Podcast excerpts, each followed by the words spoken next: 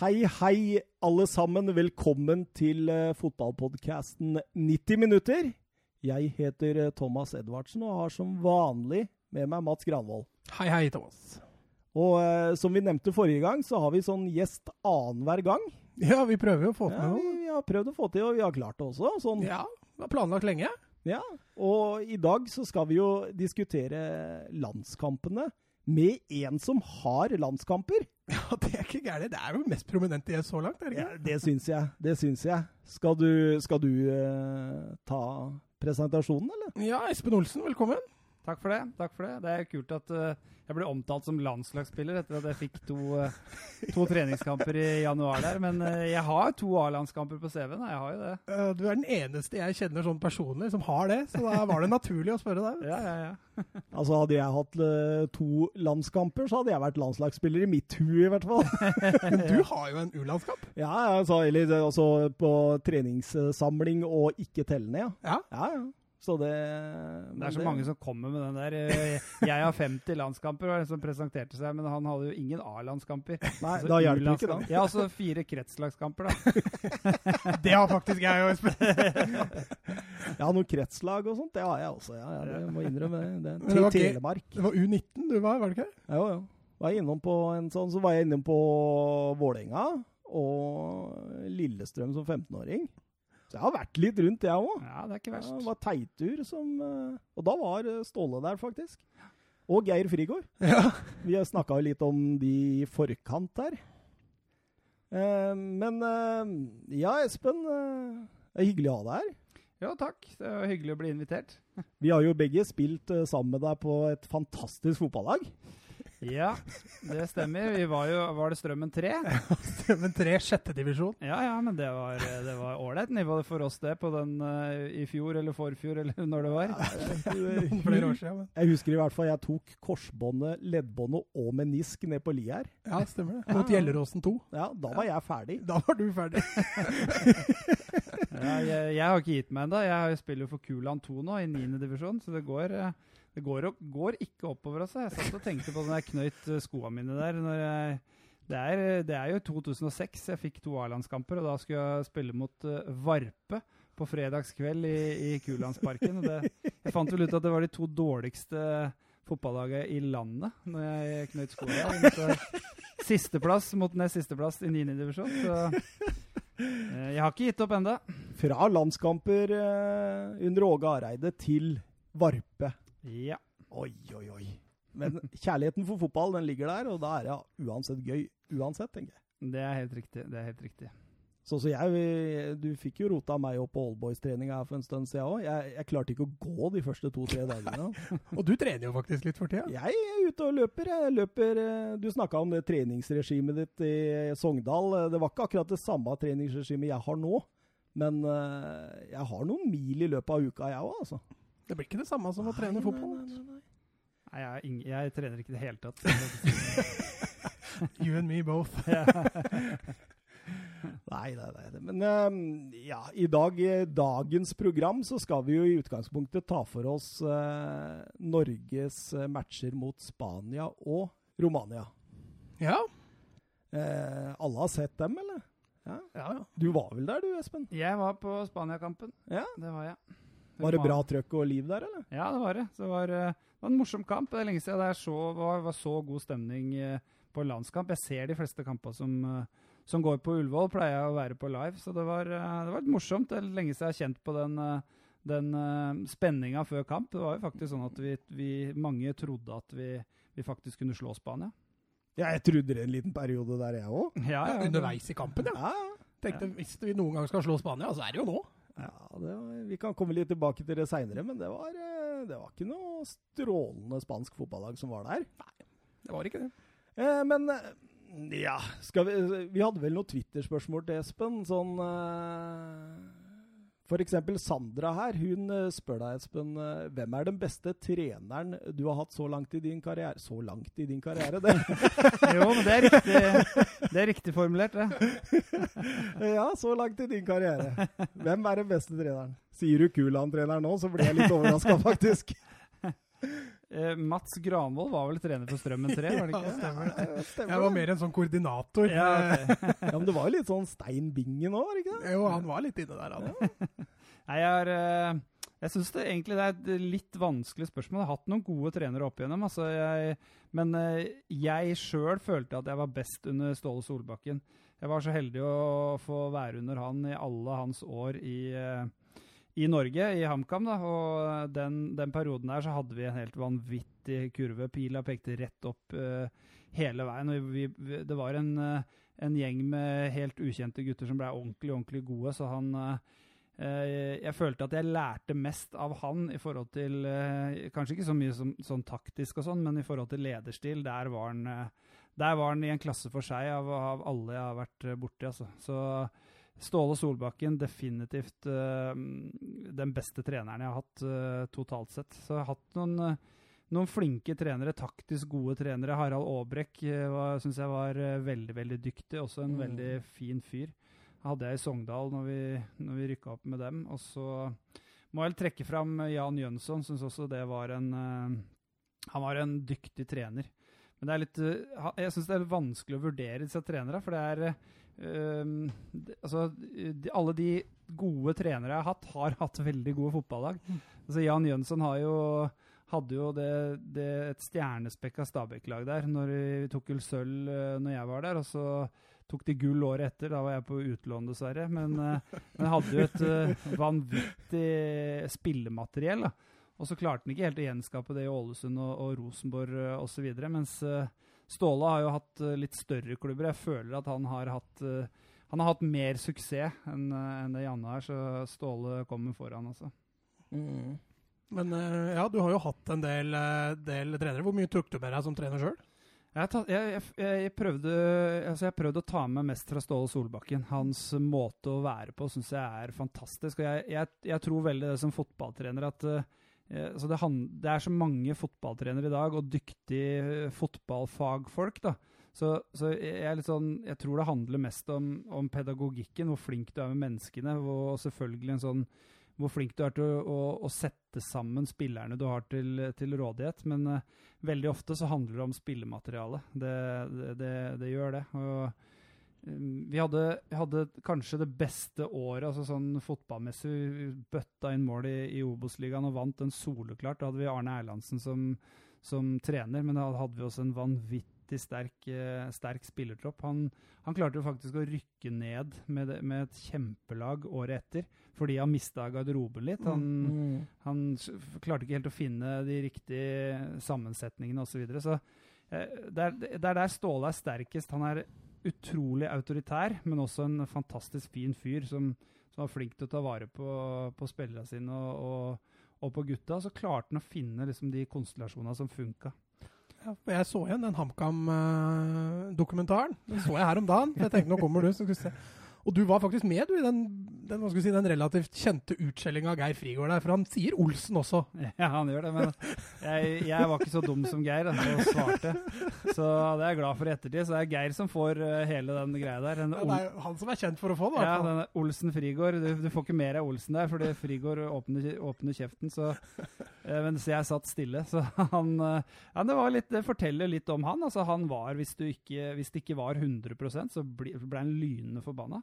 Mm. Og, men samtidig er, var han liksom, når kampen var over og, og, på bussen hjem, så tok han hånda rundt deg og kosa og trøsta, litt med, trøsta deg litt. Og, og, så, og, sånn var han som, som spiller. Fantastisk flink til å, til å, få ut det beste av hver enkelt, og til å se, se det spillematerialet han hadde, og, og, få det beste ut av det.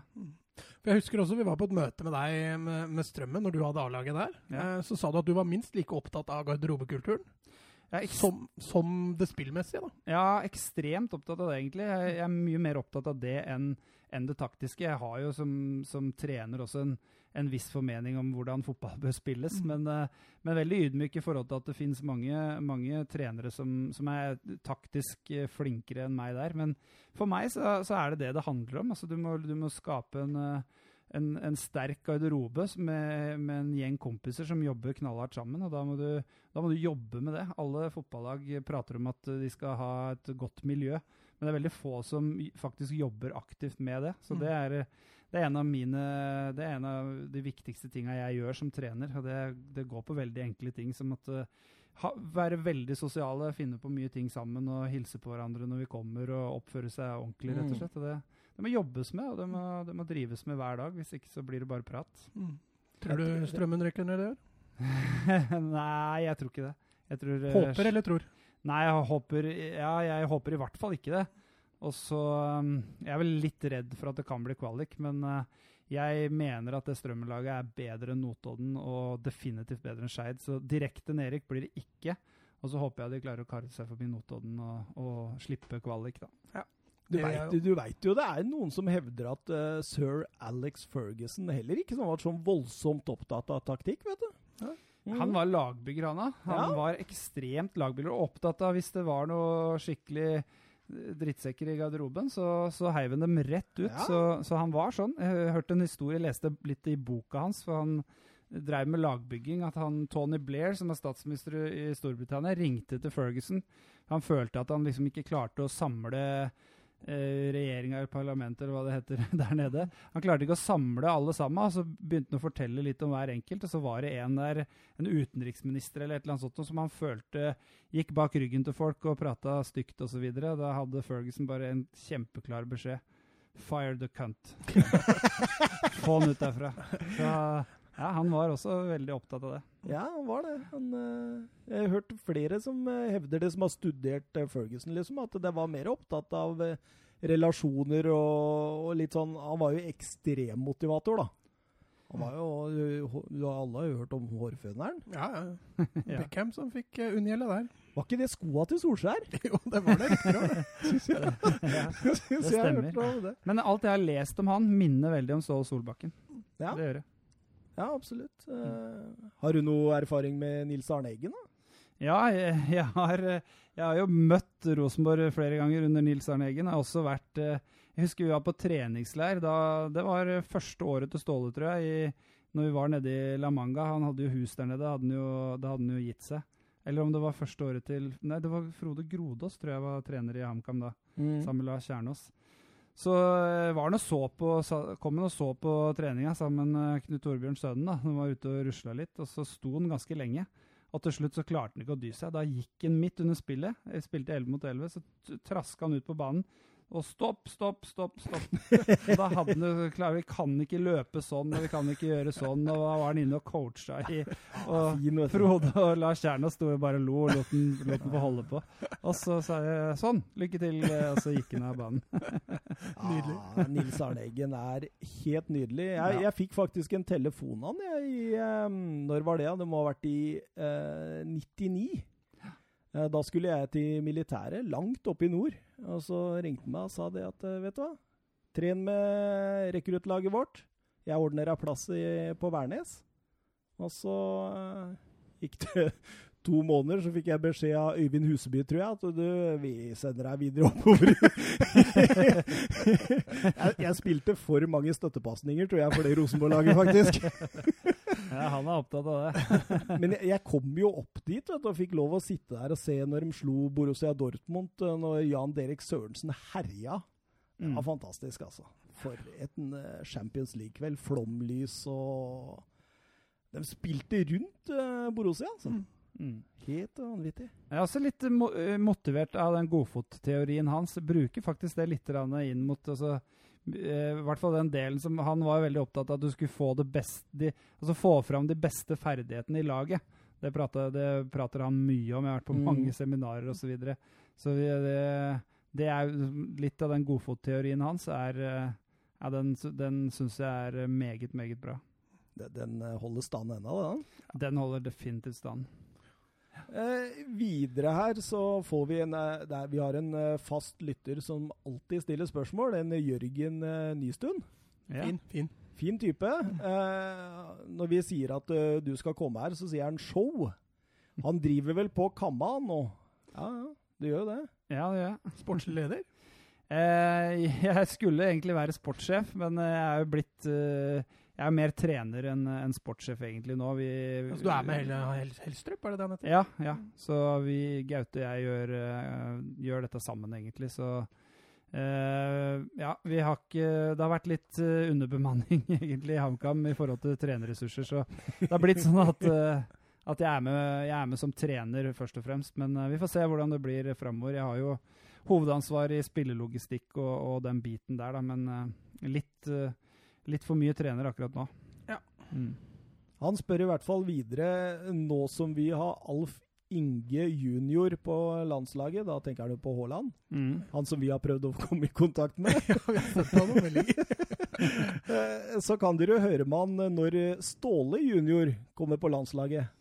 Ja, det, det er ikke lenge til. Eh, Markus Solbakken er eh, veldig dominant spiller i, i vårt lag, og han er vel akkurat blitt 19, eller er han 18? Eh, han er 18 eller 19.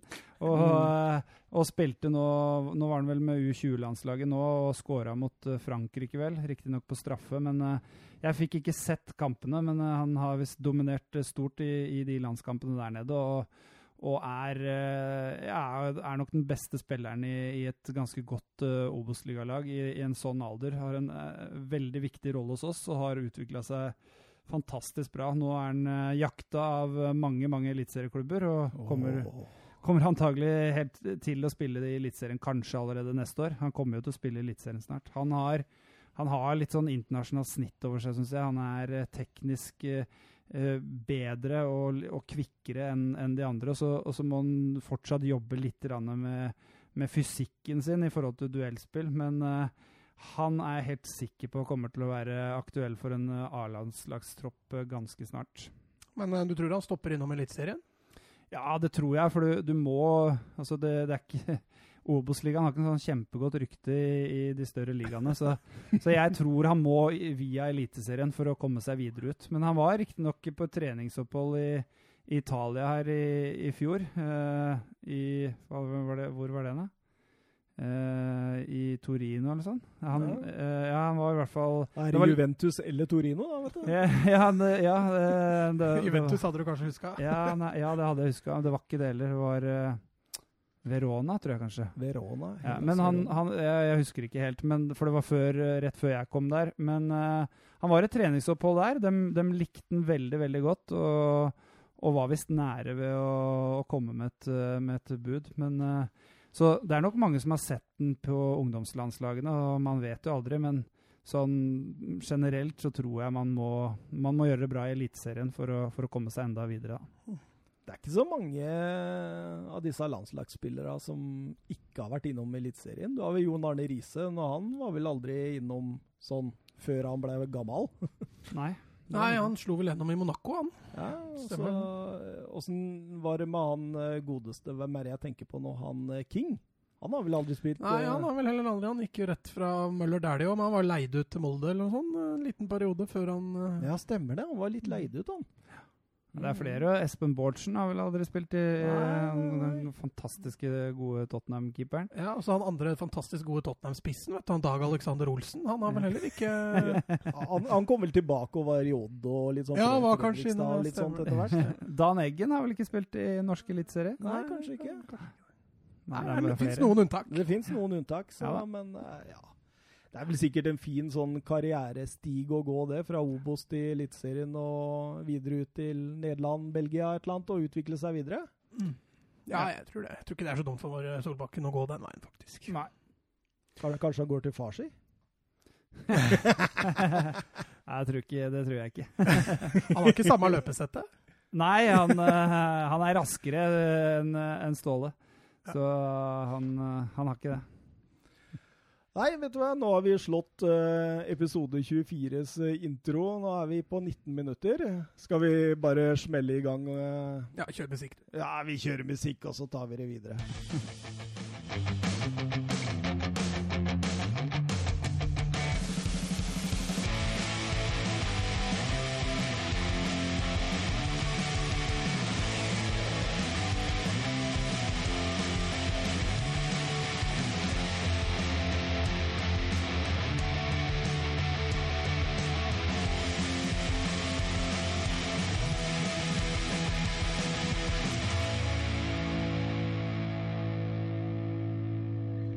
Og vi begynner rett og slett uh, rett på, vi, med godbiten Norge-Spania.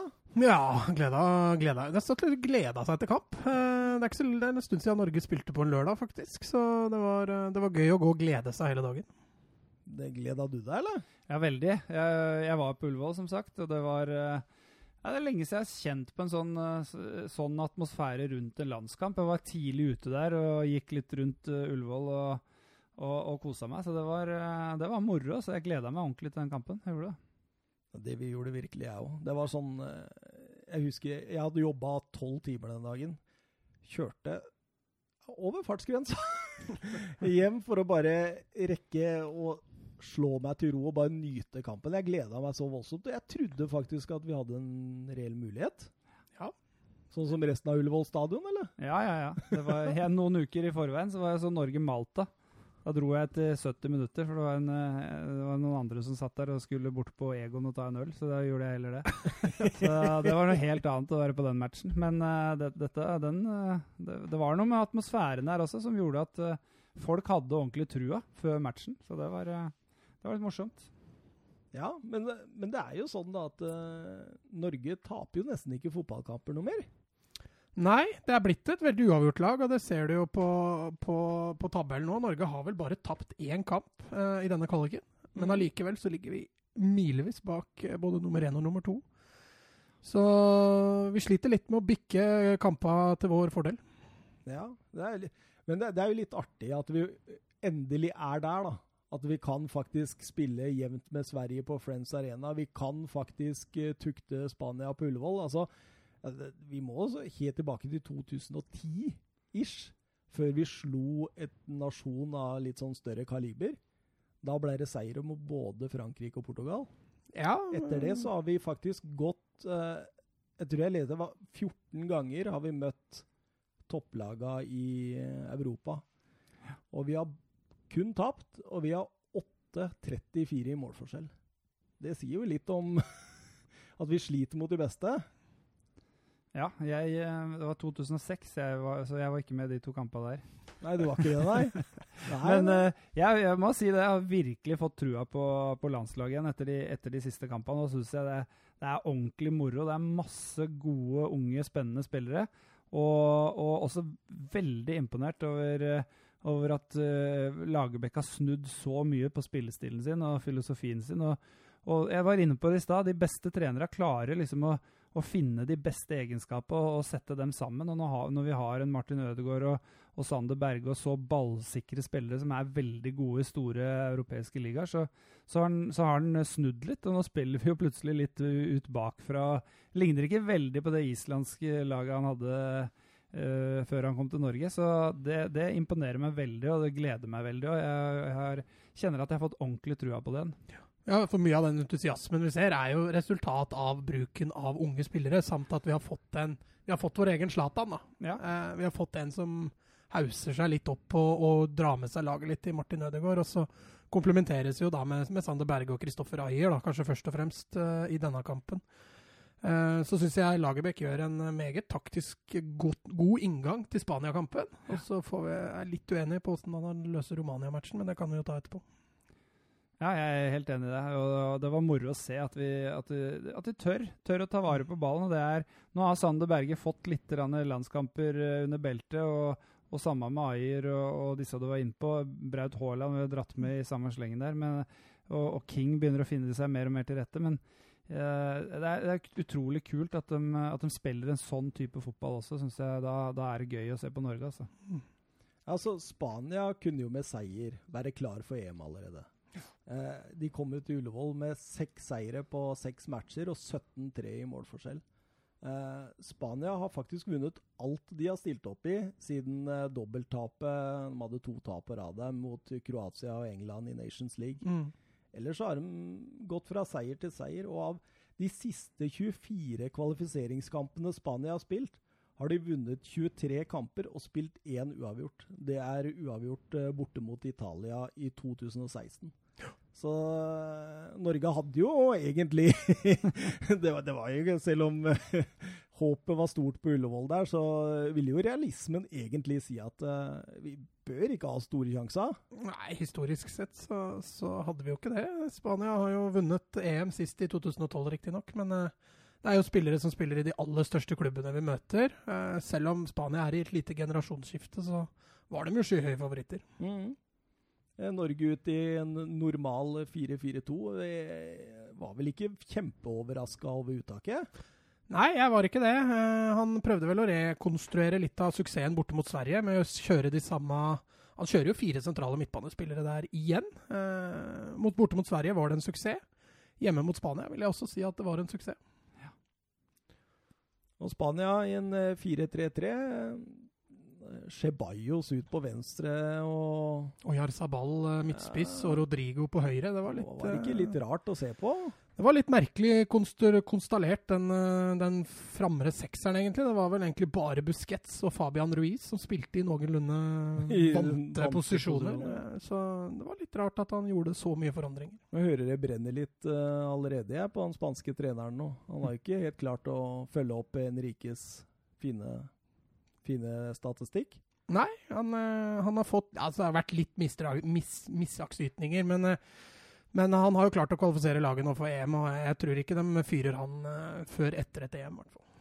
Nei, Nå skal ikke jeg drepe noe entusiasme her eller være, være, ta fra Norge den prestasjonen de gjør, men Mats er jo inne på det. De, det er et generasjonsskifte i Spania, og det, det laget er jo ikke Det laget de, de, har akkurat nå og stilte med mot Norge, hadde ikke vunnet 23 av, eh, av 24, eller, eller, hva det var. Det tror jeg mm. ikke. I tillegg så kommer de jo til til Ullevål uh, ja, Nå sa du at de ikke var helt klare, men uh, i mitt hode så er de jo klare.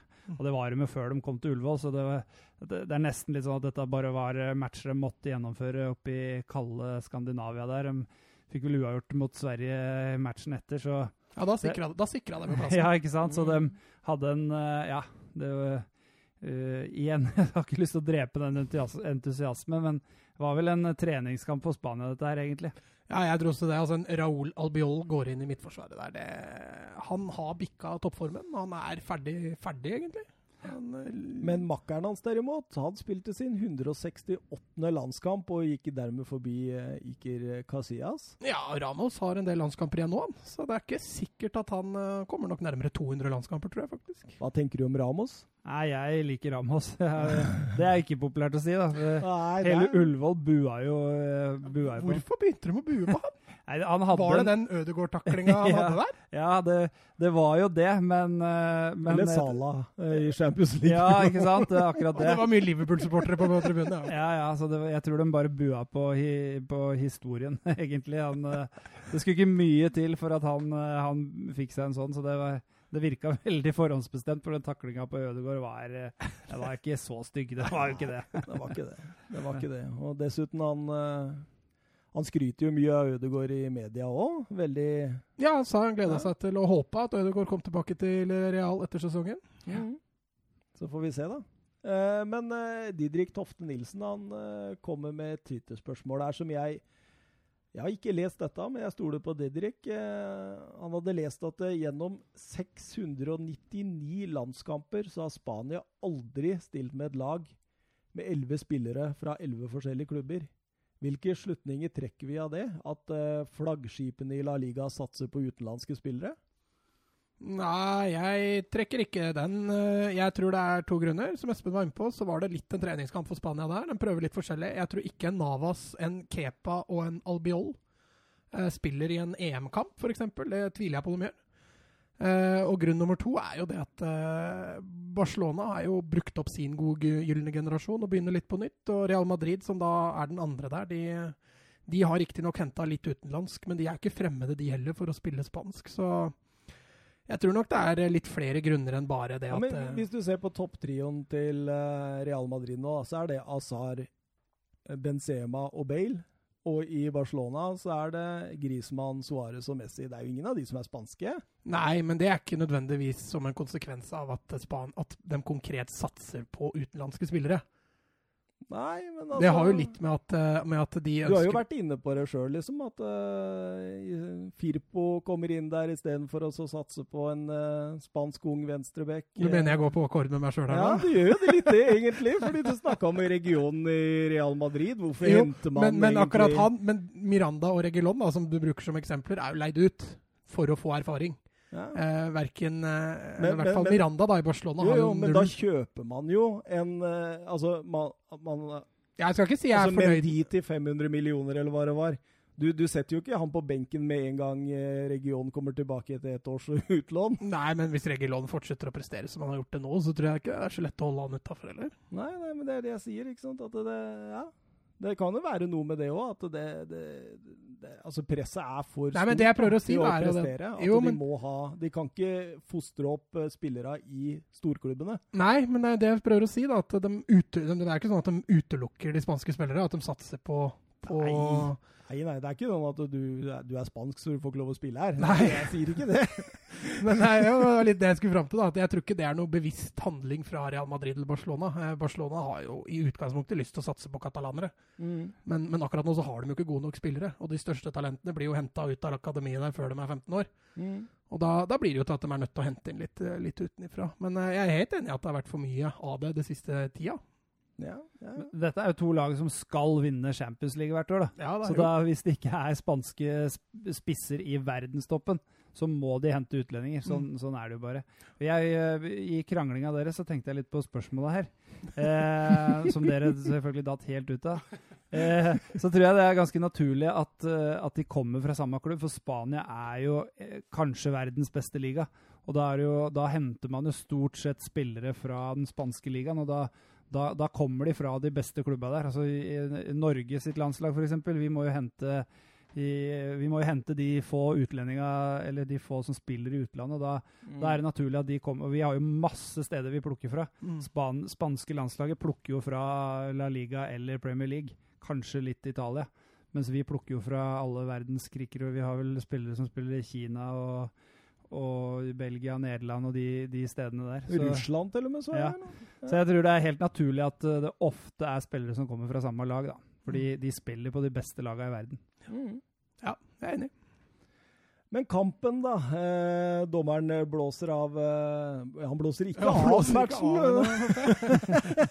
Han gjorde det til slutt Ja, han, han gjorde jo det etter hvert, etter 90 minutter og noe overtid. Men eh, når han blåser og kampen settes i gang, så får jo Spania egentlig en relativt grei dobbeltsjanse med en gang der. Ja, og jeg tror Norge litt bevisst la seg litt bakpå i starten. Eh, Du så jo, Det var ikke uten grunn at han kjører eh, fire sentrale midtbanespillere på, på midten. Det er for å forsvare seg trangt. Og, og det gjør at eh, Spania tidlig får initiativ. Eh, De første ti minutta så er det mye Spania og etablert angrep. Og, og de to halvsjansene i starten der jeg kan nesten karakteriseres som en sjanse. Altså. Så vi er litt heldige at vi får en så god start som vi gjør.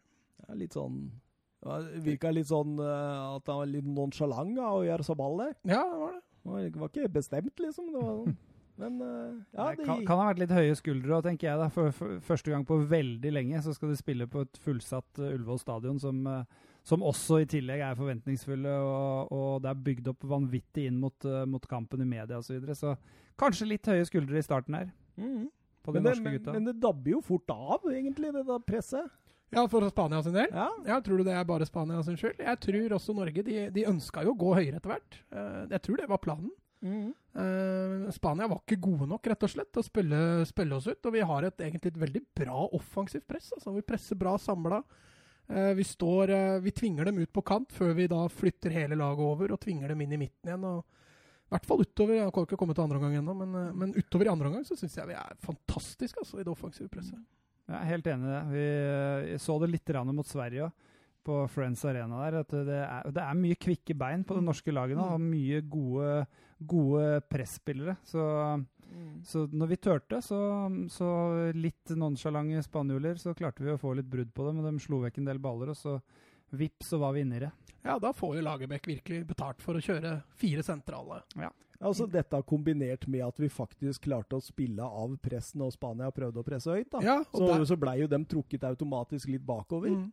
Og da, Helt enig, altså, da jevner det seg ut. Det var overraskende og gøy å se at Norge tør å spille på den måten. Uh, frispillinger bakfra med, med høye bekker og en Berge eller en Henriksen som dropper dypt. og og en uh, Nordtveit eller en Hovland da, som, som, går litt bredt der sammen med, med Ayer. Og, nei, det fungerte overraskende ofte og veldig gøy å se på. Ja, og så syns jeg de to uh, kantspillerne som er sentrale, er flinke til å komme seg inn mm. sentralt og slippe opp uh, bekka på siden. Han, mm. Omar på, på høyrebekken her var jo enorm, syns jeg. Det, var ikke så mye dårligere, han på venstre. Nei, han var god, alle sammen, for all del. Men, men det også er jo litt av å bruke fire sentrale. De ønsker jo å ha dem inne mye inne i, i, mellomrom. Til og med Stefan Johansen dropper jo en del ned mm. bak uh, når, uh, når, en av, når Ødegaard og en av, de, en av, de, sentrale går fram, så går ofte han litt ned, og de får veksla mye posisjoner. Og, og, er gode med ballen, alle de fire på, på midten her. Ja, absolutt. Uh, syns det. Og, og, så du hvordan King la seg på På Albiol, ja. Albiol. Det var ganske bevisst. ja. der, der, men det var synd vi fikk liksom ikke satt opp de det var én gang i andre omgang der hvor vi fikk satt den opp én mot én rettvendt, men uh, vi sleit med å få den uh, utnytt, utnytte det. altså. Kampens første mulighet, 15 minutter. Uh, den er det som går til Spania, faktisk. Uh, Ceballos og Ruiz, Fabian, som ruller nydelig opp fra venstre mot høyre. Der kommer Navas rundt og smeller ballen inn knallhardt foran mål. Både Rodrigo og Sabal går i akkurat samme rom, og det redder Norge litt. altså. Ja, men her får vi jo da det som blir minuset da med å forsvare seg så smalt som Norge gjør, er at det blir jo kjemperom på kanta når, når Spania da får ballen til å rulle så fort som de gjør sideveis der. Så, så rekker vi ikke å sideskyve over. og, og Navas kommer seg fri på kanten her, og som du sier, heldigvis så går spissene til Spania ja. i det samme rommet. og det... Nordtveit kunne bare ta ut henda, så hadde han kontroll på begge to. Ja, men, men det var den situasjonen Nordtveit ble skada, var det ikke? Ja, det var vel det. Mm. Ja, det var der han ble skada. Han, han holdt ut litt til, men han det var litt uh, Fikk litt uh, Fikk litt svettetokter når Hovland skulle inn der, men uh, det gikk bra, det. Ja. jeg, ser på, jeg, stoler, jeg, ser på, deg. ja, nei, jeg stoler på Hovland. Jeg har, jeg har, spilt med Even i, i et par år i, i Sogndal, var naboen min, så han, jeg, kan ikke annet enn å hylle han. Nei, jeg, Det er jeg helt enig i. Han, han overraska veldig positivt. Ja, han, hold, han, holder på å score med en gang han kommer inn ja. på den corneren der. Ja, det gjør det. Stemmer, stemmer det. Ja. Eh, 21. minutt, eh, Norges eh, første sjanse, kommer i ettertrykket etter en mislykka overgang. Ender til slutt hos Henriksen, som eh, via Stefan Johansen legger den ut til Omar. Omar eh, med et Rabona-innlegg, faktisk. Den ble kommentert mye om i spansk media òg. Jeg trodde, trodde, de, trodde, de, bare sto på slalåm, liksom, og så gjør de dette. og King er på bakerst og knuser Albioli på lufta der. Mm. Eh, hørte noe om at kommentatoren sa at han trodde det ville bli frispark imot, men det gjør jo ikke King noe Nei, jeg syns ikke den var noe, var noe tap i det hele tatt. Ja. Nei, det er rett på kepa. Ja, Men det er litt dumt med det Rabona, da, fordi han får ikke nok fart i innlegget. Nei. Hadde det vært mer fart i det innlegget, så hadde King fått en hardere avslutning, og da hadde det antageligvis vært mål. Og på, i, det, i, dette perioden her så sliter jo Spania voldsomt egentlig å etablere noe som helst. Mm. Da Ja, altså entusiasmen bare vokser og vokser, og Norge de, de får trua på det. Uh, spillet sitter, presset sitter. Det er mye som stemmer for Norge fra, fra kvarter og utover, egentlig. Og du ser han Shebayos, han er helt rådvill. Han veit ikke hvor han spiller omtrent. Han Men det tror jeg ikke treneren visste heller. han sliter voldsomt i kantrollen sin, i hvert fall. Du ser nesten at han Det, det, det virker nesten som han ber om uh, Saul Niges, gå fremover, så holder jeg litt bak, liksom. Ja, men, men, der igjen får jo Lagerbäck veldig godt betalt for, for, å spille med de fire sentrale, fordi Ceballos trekker jo naturlig nok innover. Eh, der er det kjempetrangt. Ceballos får lite ball, han har ikke noe rom å oppsøke der i det hele tatt. Så Ceballos han ser jo bare ut som han er i svime når han løper rundt utpå der. Men så kommer byttet, da. Nordtveit må gi seg, og uh, gamlenaboen, eller ærenaboen Nei, gamlenaboen. Gamlenaboen. Gamlenaboen til ja, Olsen. Du bor ikke i Trondheim. Nei. Nei. Du veit jo, han kan pendle, vet du. Eh, han kommer inn, og det er så, som eh, du var litt inne på. Jeg var litt nervøs da, for jeg tenkte liksom Ja, ja, det er jo en, en eliteseriespiller som faktisk skal gå inn her mot La Liga-stjerner, da. Ja, jeg var litt nervøs for akkurat det byttet der. Men, eh, men, eh, Spania sleit jo med spillet sitt, og det mm. tror jeg også redder Hovland litt òg. For han får jo alt spillet foran seg hele tida. Eh, og da er jo Hovland også en meget habil, god midtstopper. Ja, altså Even er god med ballen, så det, det var en kamp som passa han egentlig. Han, han, har bra fart òg. Så, mm, så mm, det, jeg var ikke bekymra i det hele tatt. Men jeg, jeg er kanskje litt farga der, da. Så jeg hadde, jeg hadde, jo med meg sønnen min på kampen, og han var jo mye, mye inne hos Even, så han, det, var, Det hadde vært jævlig kult om han hadde satt den corneren der når han med en gang han kom innpå. Ja, for den var, det var ikke langt unna det der, altså. Nei, men skåra ikke Hovland mot Malta? Jo, Ja. stemmer det. På et langt innkast. Ja, ja. Mm. Så eh, mot Romania nå, så spilte jeg på oddsen. Hovland-skåring. Ble mobba, fikk veldig høye odds, men eh, der var han ikke i nærheten. Dessverre. Men rett etter eh, at Hovland eh, prøver å heade den inn og treffe hånda, da, så kommer jo Spania på en kjempeovergang der. Og, eh, det, men, men du ser det er kun Navas, Oyarzabal og Rodrigo som er med. Og Norge kommer jo raskt ned i returløpet og er plutselig seks mot tre med en gang. Det var tre mot tre. Mm. Så det der er, det sier litt om liksom, da, da ligger det litt mentalt. Det er, du, husker du det returløpet du viste? Hvem var det som gjorde det? Atletico Madrid. Ja, ja. Og du, du ser liksom det er 100% jobbing hjemover da, for å komme tilbake igjen. eh, og Spania får ikke tatt kontringene, selv om det der var en kjempemulighet. altså. Ja, men Spania har jo ikke akkurat kontringer som sin, sin forskjeller, og det er, jeg tror ikke det står øverst på kampplanen til Moreno når han starter eh, kampen der med at kontringer skal vi ta Norge på. Spania har jo oftest kjent med å ha ballen, og, og det er jo ikke kontringene størst i fokus heller. Nei, absolutt ikke. Nei, og det, i, igjen så er ikke, var jo ikke dette Det er jo litt med inngangen på kampen, da, tenker jeg. Det, dette er jo ikke en kamp som Spania må vinne. Det er ikke kvartfinalen eh, det, det står om her i, i et VM-sluttspill. Så det, jeg, jeg tror nok intensiteten i kontringene deres eh, hadde vært annerledes om det var mer som sto på spill. da. Ja, det er jeg nok enig i. Og rett etter det igjen så får jo Omar den kjempekjansen. Da han blir men- eh, spilt opp nydelig av Er det Selnes, eller? Ja, det er Selnes som spiller den over bekken, og så går Omar inn bak. Det er jo et Mm. kjempeinitiativ og en fantastisk pasning av Selnes. Men der, eh, der ser det ut som Omar ikke er ordentlig orientert. For Ja. én pasning på tvers inn der, på første touch, så er King, har King åpen mål. Ja. Ja, helt enig. Den, eh, den, eh, den så jeg jo, så det var synd han, eh, han la, la vel ballen ned. Han prøvde å dempe Ja, den. Han fikk en litt dårlig første touch, for ballen Ja. gikk litt bak ham, så han måtte Ja. tilbake og hente kula. Og Ja, han kan til og med angripe ballen, syns jeg. da. Gå Ja. litt mot ballen, og så heade den til, til King på, på tvers der. Så han, han har nok ikke oversikt over hvor King er akkurat der. Nei, det tror ikke jeg heller. Jeg tror ikke han visste, visste jo heller ikke hvor målet var, for han hadde jo nesten vært tjent med å skyte på første touch der òg. Men Mm. Han velger å dempe den, og så får han ballen litt bak seg, og så skal han slå innlegget til King, og da er han jo nesten på død vinkel, og da, da renner jo den sjansen ut, dessverre. men, men det, det jeg tenkte på Så rett i forkant av der, fordi King spiller vel eh, opp eh, til Martin Ødegaard, som ligger inne i 16-meteren der. Og du ser Han har seks spillere rundt seg med en gang. Seks spillere altså, som ligger rundt den, Mm. og, før han slår støtta til Selnes der, som legger han over. Og Der, eh, der ser du litt av det å ha spillere som Martin Ødegaard på laget, som trekker på seg så mye oppmerksomhet. eh, Skaper rom for andre. Eh, 43 minutter. Duellen Albiol-Ayer den blei mye diskutert på vår Twitter-side. Eh, Ja, det var noe innlegg der, i hvert fall. De prøvde å dra med seg dommer Edvardsen inn i diskusjonen nå, for han, var- han var ganske er- klar på at Og det er eh, ikke deg. Nei, eh, dommer Edvardsen, og ikke avdanka Edvardsen.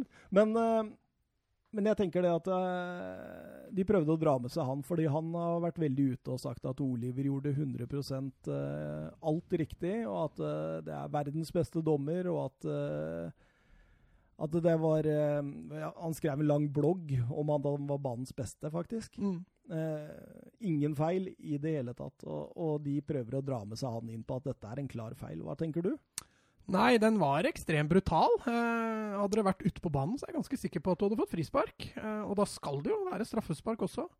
Ayer treffer jo ballen, stusser den videre. Albiol klinker jo inn i ryggen på den der og får en liten sleng, så ja. Han blir jo liggende også, fordi han får den der Ja. slengen på nakken. Nei, altså, jeg syns, eh, jeg syns det er et uh, straffespark. Skal vi høre med Olsen? Jeg syns også det. Jeg syns Ja. den uh, så ganske klar ut. Og det, Edvardsen var vel tidlig ute der og annonserte verdens beste dommer allerede før kampen, så han måtte nesten bare, måtte nesten bare stå på det, tror jeg. Men uh, jeg er helt enig. Jeg, jeg syns det er straffe. Det er soleglad straffe, mener jeg også. Og jeg er helt enig med de gutta. Det var vel, det var vel Jørgen og Jonathan, eh, disse faste lytterne, som Mm. var veldig på i den tråden der. Nei, det er gøy. Det får i gang noen diskusjoner. Men eh, nei, der tror jeg eh, Svein Erik, er det det han heter? Svein Erik Edvardsen tar, tar feil. Det så ut som en grei straffe. Ja, Absolutt, jeg er helt enig. Men han la jo også, ser nesten ut starten her, ser ut som han la fordelen gå. For Norge får jo tak i andre ballen. Mm. Og så får vi et innlegg, og King blir stående feilvendt der. Men, Men eh, det er ingen tvil om at det var ikke noe fordel uansett åssen han hadde spilt det. Jeg har ikke lest bloggen til Edvardsen, men hva er det det han uh, forsvarer det med? Nei. Men han skriver egentlig ingenting om det. Han skriver bare det at eh, 46 minutter, duellen Ayer-Albiol korrekt, uh, står det bare. Korrekt. Uten, han utbedrer det ikke noe særlig. og det, det er jo nettopp det disse gutta på Twitter eh, prøver å utfordre han eh, Edvardsen på. Ja. At eh, Kan du forklare hvorfor det er korrekt? Ja, og når Men- Edvardsen er sikker, så forklarer han jo alltid hva, hva, Ja. hvorfor, og han legger ved regler og alt mulig. Så her er han åpenbart på tynn is. Og det, Jeg t- det skjønner han sjøl, så da ble det bare et setning og et punktum. Altså, når jeg tenker på Edvardsen, vet du hvem situasjonen jeg tenker på da? Den oppe i Bodø. Det, tilba ja, det tilbakespillet der. Han spiller rett til en Rosenborg-spiller, og så Ja. blåser han offside. Stemmer det. Altså, det er så lavmål! det skal ikke gå Eller når, Amundsen og Kippe fikk velge hvem som skulle få Ja, rødt kort. Men- og så står han og forsvarer det etterpå Ja. og kaller Lillestrøm for drittklubb. men, men jeg hørte faktisk eh, Edvardsen i en sånn eh, tre timer lang podkast her om dagen, faktisk. Med, hvor han eh, var igjennom alt det som hadde skjedd gjennom NFF og alt det greiene der.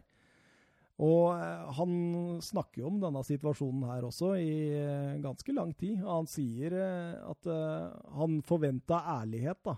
Og at det var det som på en måte At han forventa Ja, om Lillestrøm, tenker ja, du? Ja. Ja. Nei, det kan du ikke forvente i en, Nei, i en fotballkamp der. Det er det var meg! Det var meg! Ja, ja, helt uenig. Helt uenig. Ehm, pause. Spania kommer jo knapt nok til noen sjanser eh, etter Nei. 15 minutter. Etter den etter kvarters tid der, så syns jeg Norge dominerer ganske mye. Eh, Per Joar Hansen sa det vel fint i pausen nå, at eh, dette er bare å fortsette. Vi, vi har egentlig god kontroll. Mm. Så for Norges sin del så handla vel egentlig det bare om å fortsette. For Spania sin del så, så handla det vel litt om å begynne å brette ut spillet litt, føler jeg. For Norge forsvarte seg ekstremt smalt. Mm. Så at de fortsatte med én indreløper og en midtspiss på topp, og en kantspiller som er da midtspiss i det systemet. Altså Det var jo så rotete at eh, så, men, eh, men Spania de, eh, de gjorde ikke noen forandringer i pausen. Nei, og de tok jo ledelsen rett etterpå. Ja, Det de var, fikk, kald, eh, det var kalddusj. Det var ordentlig kalders. Det var kalddusj. Jeg er, ikke jeg er ikke helt ferdig med pausen. Nei, var er ikke en det, nei. fantastisk ostekake på vippen her. Nei, det var helt nydelig. Det er det beste jeg har smakt. Eh, Jeg tror jeg og Mats aldri kommer oss opp på vippen der. Så det Det er en stund til vi blir invitert opp dit. største sjansen for at vi får smake på den ostekaka, er hvis du smugler med noe ned til oss, eller Skal se om jeg får dere inn snart. Eh, Men uh, Saul Niges, han setter jo 1-0. Eh, Ja, Norge får ikke klarert der, altså. Nei, det er Berge der. Men det, det er jo prisen å betale for å liksom på en måte Altså, Norge Akadrilo, det er å pælme den 60-70 meter. Men her skal vi jo faktisk Han prøver å treffe Ødegård for å sette opp en eh, kontringsmulighet. Og det, er, det er litt prisen å betale for å spille sånn. Ja, Det er det. Ja, jeg hyller det, da. Lagerbäcks Island hadde også måka den ballen, ballen opp på tribunen. Men Ja. eh, nå trener Lagerbäck, Lagerbäck et fotballag med mye gode ferdigheter, og da, da syns jeg det er helt riktig. Noen ganger så går det på en sånn en. Men, Men- kan Jarstein ta den? Ja, jeg, jeg syns det er den spretten. spretten der som ødelegger litt, men han er ikke, det er ikke noe voldsomt utafor rekkevidden hans. Han er jo over ballen med hendene sine der, så han feilberegner den spretten litt, tror jeg. Jeg syns han bør ta den. Ja, men, men, men det jeg tenker først og fremst på, det er jo prestasjonen til Sal Niges der. Når han får ballen igjen fra Busquets, hvordan han demper den med yttersida av eh, venstrefoten, er det vel, og kliner til med høyrefoten på to touch. Det er, det er så vakkert, altså. Han er, så han er skeivbeint, egentlig, Saul Niges. det, det, det, det er enestående, det han gjør der. Mm. Eh, men jeg, jeg tenker jo det at eh, vi hadde to åpenbare muligheter å forhindre det på. Det var jo i, i forkant av eh, For Bernad, Bernat Han kom jo rundt på sida der. Og ser du at både Henriksen og Johansen der De blir veldig passive i presset. Som gjør at han kan stikke bak ryggen på Omar. Mm. Eh, den, den er sånn vesentlig at der må én opp med en gang, liksom. Du Mm. kan ikke la Buskett stå og så prikke de der. Det går ikke. Og så tenker jeg også Sander Bauges klarering, da. Men, men det er det, det som du sier, da. Det hyller vi, altså. Det er, det er så deilig å se et Norge som prøver noe sånt nå. Men, men eh, det kommer vi til å få godt betalt for om to og tre år. Det tror jeg også. Eh, at vi tar noen juniorfeil nå, det, det får vi bare leve med. Men, men eh, her ser vi også da på at Spania er bevisste på å angripe på kant. For Bernat var plutselig de første Ja. kvarteret i andre omgang så var han mye mer offensiv enn det han hadde vært i hele første Han var jo ikke over midtbanen i første gang. Så Spania hadde åpenbart blitt litt mer bevisste på å angripe kantene til, til Norge, for der var, det var der det var rom. Mm. Og så litt inn på den feilen, og det var, den var jo ikke, var ikke ferdigskåra når vi gjorde den feilen. Nei, det var den ikke. Det var godt utført av Ja, det Nigis det. der. Det var det. Ja, var det. det var det. Eh, rett etter eh, så er King ikke så langt unna på corner, men eh, sniker seg rett utafor der. Ja, han blir hindra litt i duellen der. Han får ikke noe clean, clean heading, men hadde han gått innafor stenga, så tror jeg ikke Kepa hadde tatt den. altså. Men det, er- det er herfra og til rundt sånn i hvert fall sånn eh, 60 minutter, kanskje til og med litt lenger. Jeg føler Norge spiller sin dårligste fotball i denne kampen her. Ja, jeg kan være enig i Det ser ut som de får en liten trøkk av å få 0-1 der, altså, Espen. Ja, de gjorde det. Og det jeg merka det på, på stadion. da. Det, det var litt sånn å nei, da var det ikke, da ble det ikke noe heller. Etter den veldig positive første gangen så, så døde det litt, eh, litt ut. Men, eh, men klarte å reise seg igjen da, og, og ta litt tak i det igjen. Ja, inn med Sørloth. Mm. Ut med Stefan Johansen, som aldri spiller mer enn 62 minutter, egentlig. Nei, han får ikke spill fullføre. Men det er da det offensive presset til Norge virkelig begynner å imponere. Eh, Spania greier jo ikke å spille seg ut en eneste gang omtrent eh, etter det. Eh, får flytta Ødegaard ut på høyrekanten der. Alesami har en fantastisk kamp offensivt. Han vinner igjen ordentlig mange baller, altså. Og han trekker inn, han holder bredden. Han, han er med offensivt for Norges spiller. Så han er eh, faktisk ganske vesentlig, det høye presset til Norge, alle sammen, i den kampen her. altså. Mm. Og Spania de kontrer med å sette inn Santi Carzola, og det, det, det er jo nesten litt herlig å se, da.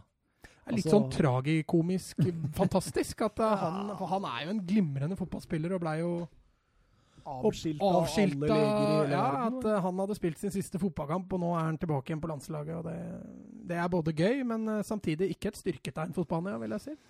Nei, og igjen, det er vel kanskje litt av den inngangen. Det passa vel fint for Spania nå å få, få testa litt eh, andre spillere, Mm. og, og få lov, la han få, få komme tilbake igjen. Da. 66 minutter. Fabian, Tverleggeren. Tverleggeren, ja. Ja. Drar av Henriksen der og kliner til. Herlig utført. Der hadde ikke Jarstein Det kunne ikke vært en tabbe, i hvert fall hvis den hadde sniket seg inn, for det var, det var bra utført. Da, da, da, begynner det å se litt stygt ut, syns jeg, for Norge også. Altså, de, de kommer ikke helt inn altså, det. Det er det meste der å få satt opp, spilt etablert igjen. Altså, vi, Mm. vi klarer ikke helt å få kontrollen på kula. og Jeg syns Spania uh, har steppa litt opp her. Ja, men igjen da, så tror jeg det er et lite resultat igjen av at Øydegaard flyttes ut på, på kanten, som gjør at Norge da ikke får noe naturlig oppspillspunkt i mellomrommet tidlig. da, For Ødegaard har jo utgangsposisjon da på høyre, og han bruker Mm. litt tid på å trekke seg inn. Som gjør at Norge sliter litt med å etablere spill igjen på, på Spanias banehalvdel. Med, med Sørloth og King på topp, så blir det jo mer duellspillere og bakromsspillere vi får der. 71 minutter får Norge endelig en sjanse igjen. Vet du hvilken sjanse jeg tenker på da? Nei. King blir spilt igjennom. Ja, Det er den eh, sjansen hvor Martin Ødegaard eh, han spiller ut til Berge, som legger inn foran mål, og Sørloth eh, knuser Navas i Ja, på lengste der. Eh, det er nydelig tilbake til Selnes, som fyrer av fra straffemerket, og Sound Leagues får blokkert. Ja, stemmer. Den, Den, er feit. den er feit. Men der er det hyll hyll til Sørloth, altså, som ikke velger å gå på golden sjøl der, men i stedet for headen tilbake igjen til eh, Selnes, som, som står, eh, står helt aleine ute på, på straffemerket der. Og så er det jo selvfølgelig fantastisk oppofrende spansk forsvarsspill, som to stykker som kaster seg inn i blokka der. Sørloth måtte komme seg ut av England for å begynne å imponere på landslagene. ja. ja det, slenger meg på Mats der. Det, er, eh, det, viser, eh, det viser at han har vokst vanvittig. Litt eh, ung og urutinert der, og så kommer han inn og, og gjør det. 99 av 100 ville prøvd å heade eh, mot lengste hjørne i en bue eller, no, eller noe sånt noe. Så det var, det, var, det var veldig bra gjort. Og fint spill.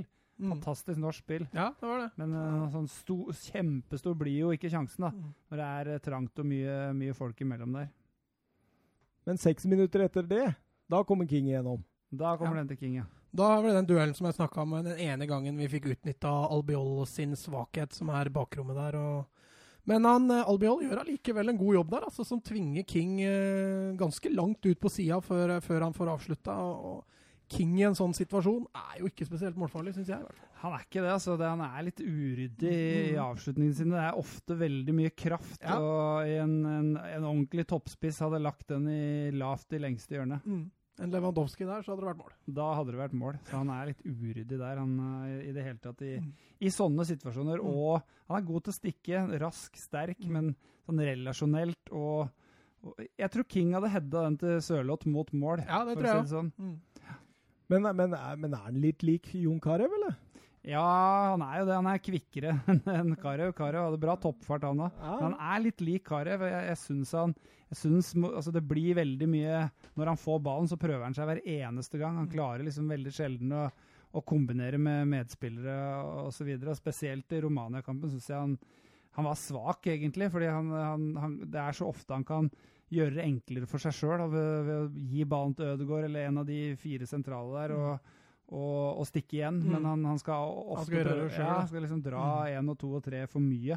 Men så kommer han seg til sånne typer sjanser da, som, som den vi snakker om her, fordi han, han er så lynrask og sterk. Men eh, Men som enslig spiss, så er han jo vårt klart, klart beste alternativ. uten tvil, ja. og det er jeg jo helt enig i. Han, han, men han, han mangler liksom litt altså Han spiller i Bournemouth. Han er, han, vi snakka om Spania, hvor de henter spillere fra i stad. De, det, det er vel ingen på det spanske landslaget eh, som spiller i Bournemouth, tror jeg.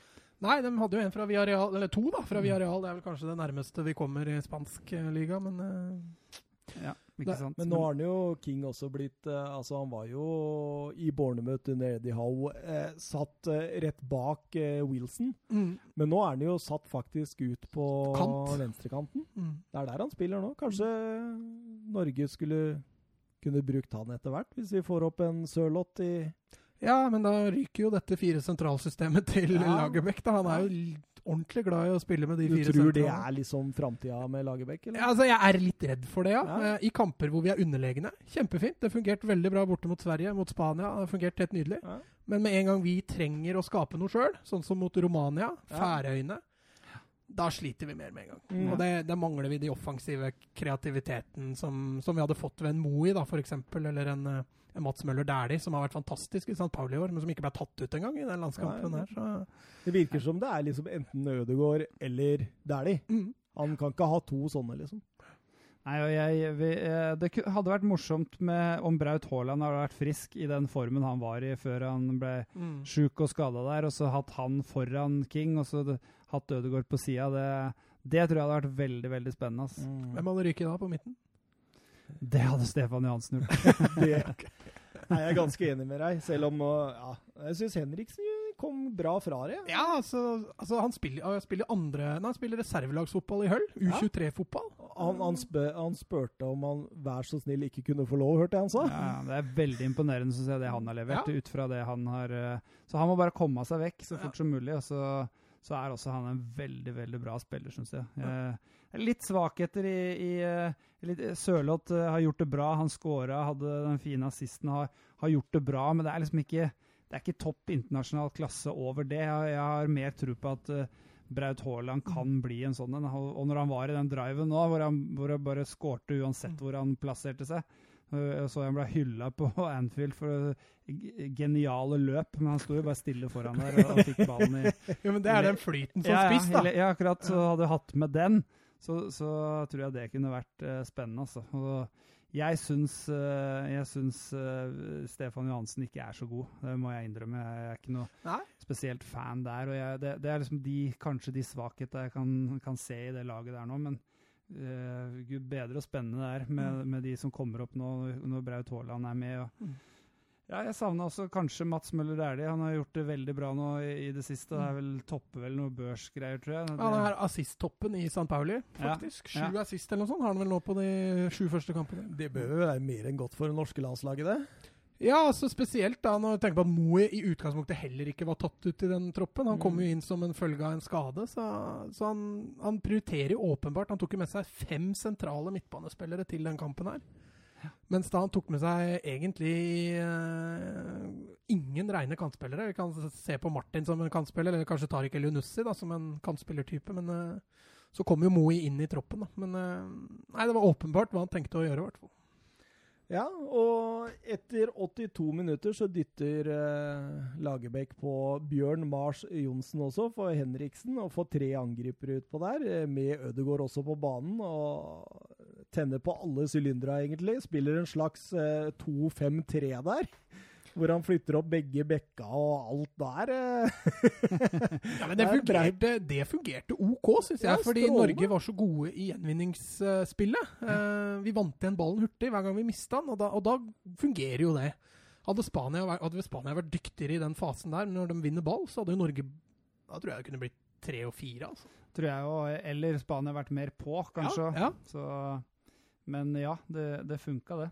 Ja, For de treffer jo faktisk to ganger i treverket Spania der på slutten. ja, Fabian treffer jo tre Ja, og en gang i Rodrigo tverrligger. òg, med den Ja. der ah, hælsparket der. Så Mm. de, er, de er jo nære på å straffe Ja. oss. Men, eh, men jeg skjønner jo gamblinga der òg. Om vi taper 2 eller 3-0 der, det spiller jo ikke så jækla stor rolle. Eh, Men når vi får 1-1, så så er jo det litt med på å bygge entusiasmen der. Men, men jeg følte det var litt sånn etter kampen at det var litt sånn falskt. Når du så tabellen, det hadde ikke spilt noen trille om vi hadde vunnet eller, spilt, eller om vi hadde tapt eller spilt uavgjort. Annet enn litt sånn uh, Nei, fordi den, ult- ja, altså, Ja, Med det entusiastiske, da, sånn som Ja, jeg sa. At det, det, den altså, forsto jeg. Men, Tenk for en motivasjonsboost, da. ja, absolutt. Men hvis du ser sånn sluttabell, da, hvor Norge får alt å flyte, så hadde Norge vunnet med to poeng. Da med en uavgjort mot Spania. Så Det betyr at hadde vi tapt, så hadde vi bare vunnet med ett poeng. Så en uavgjort eller et tap der hadde ikke spilt noen rolle sånn poengmessig, i hvert fall. Ja, for som du avslører nå, så ble det jo 1-1. Det ble et straffespark på overtid. Sorry alle lyttere som ikke visste sluttresultatet. Det Sikkert var en spoiler alert. Det er dårlig, Mats. Du klarer ikke å holde på hemmeligheter. Holdt jeg på å si hemmeligheter. ja. Eh, Bjørn Mars Johnsen han knuser Ramos i lufta der. Det er vel det han kan brukes til? Ja, jeg sendte deg en melding etter Romania-kampen og sier at har ikke Norge bedre spisser enn en dette? Det er jo bare spisskompetanse på Bjørn Mars Johnsen. Ja, han var syltynn mot eh, Romania, syns jeg. Uh, ja, jeg, jeg, Av de han hadde på benken, så var det nok riktig å hive inn på han. Og han også har skåret litt mål for Rosenborg i det siste, og er, eh, kan jo plutselig dukke opp der. Og når, når vi skal begynne å kaste baller inn i feltet, så, så var det vel riktig å sette inn han, men eh, men ja, det er vel ikke topp internasjonal klasse det heller. Han måtte jo hjem til Norge for å, for å få spilletid. Ja, det er jo som jeg sier, det er jo spisskompetanse kun. Eh, Ja. Det er ikke noe snakk om noe komplett spiss av noe slag eller med ekstrem. Altså, han har ekstrem ferdighet, men han er stor og sterk og vinner en del dueller. Men Omar fanger i hvert fall opp ballen. eh, Blir løpt ned av Kepa. Altså, og altså, King brenner ballen opp på 44. Det, er, det, er, altså, det er mange dommere som hadde latt den gå, altså. ja, altså regna det som en fordel. Ja, faktisk. Er på ingen måte noen fordel, for igjen så får jo King ballen med ryggen mot mål og må snu Ja, seg. Hadde det vært en Lewandowski igjen, da, så hadde det vel antakeligvis vært mål, men eh, når det er King, så er det jo på andre, andre rad der. og- Så dommeren tenkte at dette er ikke noen sjanse for det. bare, bare å blåse straffe med en gang. Men da har vel fått to halv, nesten-straffer, da, så da var det vel, eh, da var det vel greit. Men uh, all honnør til Omar der, som ser keeperen kommer. Allikevel så strekker han ut huet der for å ta ballen og veit at dette kommer til å gjøre dritvondt. Ja. Men uh, han ofrer seg, og ja, vi skal gjennom en børs etterpå. Han, uh, han steig på børsen bare pga. den ofringa, for min del. i hvert fall. Ja, og da jeg har slakta litt uh, at vi ikke har internasjonalt toppnivå, så er han ganske nærme det, syns jeg. Ja, men altså, Vi har slakta bekkene til Norge tidligere, vi. Ja. Eh, men og etter at jeg- vi gjorde det, Ja. så har Alessami Omar bare steppa opp. og Jeg tror de har eh, hørt på oss. Ja, Jeg tenkte ja, at ja. nå skal vi vise dem. Det kommer masse mål fra Bjørn Mars framover nå. Ja, sannsynligvis. Han kommer bare til å bøtte inn. Ikke minst Stefan Johansen. Han Ja. går til en Premier League-klubb. Ja, i- ja, Men eh, visste dere det at eh, Joshua King er den første spilleren som har skåret både hjemme og borte mot Spania i EM- og VM-kvalifisering, siden belgiske Marc de Grise gjorde det i kvalifiseringen til EM i 1996.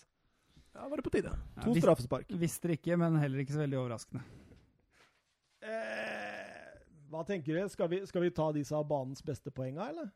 Ja, Vi, vi, Espen, vi gir sånn tre poeng til den beste, to til nest beste, og én til den tredje beste. Og det er fra begge lag. Ja. Eh, tar du en på sparket, du, eller? Uff. eh, jeg, begge bekka til Norge må nesten med, syns jeg. Ehm, også, jeg syns også Sander Berge var enormt god, men det var, det var jo Ødegaard også. Så jeg, eh, jeg setter Omar først, jeg, pga. Uh, straffesparket der. Det er en situasjon som, som blir litt matchavgjørende. Og så uh, Martin Ødegaard, og så har jeg, tar jeg med da Haitam Alesami. 3-2-1, er det sånn? Ja. Rein, rein norsk, det er bra. Det er bra. Jeg også har rein norsk. Jeg syns Fabian Ruiz gjør en strålende landskamp. Ramos er bunnsolid, men jeg også kjører reint norsk av solidaritetiske Er det det man kaller det? Ja. ja. Og jeg har samme lista som Espen. Du har det? Jeg har det. Ja, for jeg har Ayer på tre. Synes som banens beste? Ja. ja. Var helt, uh, helt sheriff. Helt sjef. Så du ikke kampen, du, eller? Åh, Åh den var stygg. Den var stygg. Han var god. ja, han var bra. Han var bra. Fordi det var av de tre jeg hadde, så, så savna jeg Ayer litt også. Jeg ja, hadde jo lyst til Jeg syns han var fantastisk. Jeg, både i oppspillsfasen og det å Og på en måte Altså, Rodrigo Du ser det jo nesten ikke. Så han strålende kamp. Jeg har alle Sami på to, og så har jeg Fabian Ruiz på ett. Mm. Fabian var fantastisk. Ja. Jeg syns Omar han er litt sånn altså Jeg skjønner hva dere sier, men jeg syns altså, det, det, mangler så altså For å være Han skal jo ha en offensiv rolle. Han skal jo være en offensiv back. Mm. Men det mangler så mye sluttprodukt i det siste der. Ja. Altså Det er jeg... Rambonaen som svever høyt over. Han får ikke noe av det. Når han blir spilt inn på lengste der av Selnes, så klarer han ikke å bestemme seg. så det blir liksom... Det... Og så har han en del dårlige innlegg. Altså ja. Han blir ofte satt opp i innleggsposisjon, og så kommer han ikke over førstemann. Så akkurat det er jeg helt enig i. Men men innstillingen han har i kampen, måten han alltid kommer opp og ned på høyresida på, og når han avgjør med å ta det straffesparket på slutten, så, så bikka det for min uh... Ja, og når, og når, du kommer med de høydepunktene i lista der, så, så, forteller det også hvor mye involvert han var da, i, ja, da. I det, offensive spillet. Mm. Så, så, jeg, det, jeg syns det var en imponerende forestilling av han. Nei, jeg kjøper den, for all del. Eh, skal vi bare tusle videre til Romania-Norge?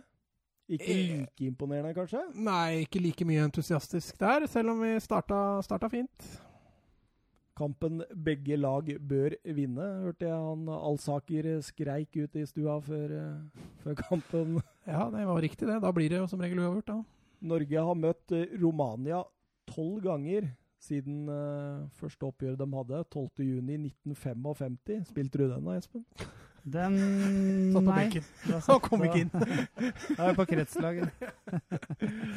um, Norge har vunnet to av dem. Hele seks uavgjort og fire tap. Så det lå jo an til uavgjort historisk sett. Eh, sist vi møtte Romania borte, var i EM-kvaliken i 2002. Eh, til EM i 2004. Da vant vi 1-0 etter scoring av Husker dere? Jostein Flo? Nei Hva snakker om, Nå falt jeg ut, jeg. Du falt ut, ja. ja. Ta, ta, det spørsmålet egentlig. Sist Norge spilte borte mot uh, Romania i en tellende kamp, ja. var i 2002. EM-kvaliken til EM i 2004. Ja, det var, Åga, det var, først, nei, det var siste til Nils Johan Semb, det. Det er Steffen Iversen, da. Ja. Oh, det, det, det, er faktisk sterkt, ja. eh, seks kamper uten tap for Norge nå. Romania har tapt én av sine siste seks. Eh, hjemme mot Spania 1-2. Eh, Romania ut i en 4-2-3-1, og Norge ut i sin vante 4-4-2. Ja. Eller 4-4-1-1. Ja. Hva er riktig? 4-4-1-1 føler jeg er riktig. Ja, fordi du ser han ja, Martin Ødegaard detter bakover ja, i liksom. Hvis vi må sette et tall på det, så er det 4-4-1. Vi må sette et tall. Ja. Uh, Hovland, eneste eneste Foran forandringen. Mm. Uh, jeg syns jo Norge begynner fantastisk. Ja. Første halvtimen var, uh, den var nydelig. Og Ødegaard er helt Helt! Han, han, er fra en annen planet, faktisk. Mm. Han er så fantastisk. Norge står høyt, kommer opp med bekkene, får overganger Får jo overganger på oss, da som vi, eh, som vi kunne ha blitt straffa for. Særlig han der av Mitritsa. Mitrica. Han var bra.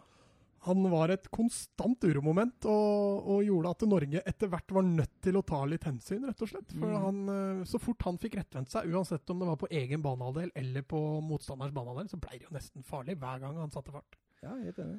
Og fart, så lenge Omar stakk tidlig og var langt borte der, så, så, så sleit vi litt med omstillinga der, altså. Jeg syns det så ut som at vi hadde ålreit kontroll på den så lenge vi hadde krefter. Ja. Eh, etter hvert utover i annen omgang eh, Det ble mye løping i kampen på de bak der, i og med at vi, vi fikk såpass mye overganger mot oss. Så, så lenge vi fortsatt hadde krefter, så syns jeg de håndterte den ganske ok. Han, han så farlig ut hele veien, enig i det, men, eh, men han kom aldri lenger enn en til en norsk forsvarsspiller. Nei, det ble ikke noe sluttprodukt, men du satt litt sånn Nei, faen, nå får han sette fart igjen. Ja. Eh, og det, du merka liksom at det var det farligste Romania hadde å komme med. Uh, men men jeg, jeg syns jeg er helt enig med deg. Inngangen til Norge i den kampen er mye av det samme som vi så mot Spania, bare at den tryggheten og det at det enda mer bevisste da, på Ja. at vi skal spille ball. Og så er det selvfølgelig fryktelig synd at ikke vi får til den siste pasningen uh, for å skape de helt store sjansene. Tolv minutter der. Ødegaard prøver å breside den lengste. Mm. Det er en god redning. og Han uh, rumenske keeperen, hva er han heter? Tatarasanu. Tatarasanu. Ja, ja god redning. Uh, går vel via en, uh, en Ja. rumener òg, tror jeg. Han gjør vel det. Mm. Uh, det er, jeg, da kosa jeg meg virkelig i sofaen. Altså, Ja, altså, det var også. så bra. Jeg tenkte at dette, dette går veien. Vi står eh, ekstremt godt hele veien. Eh, Romania får kun noen sånne antydninger til overganger, egentlig. Eh, de overgangene som kommer, de rydder eh, Hovland og Ayer bra unna på. Ja, altså I første halvtimen der så føler man jo, så lenge Romania angriper etablert, så føler man det ikke er noe farlig i det hele tatt. Mm. Eh, det snudde riktignok litt etter hvert, men, eh, men eh, Nei, jeg følte Norge hadde god kontroll.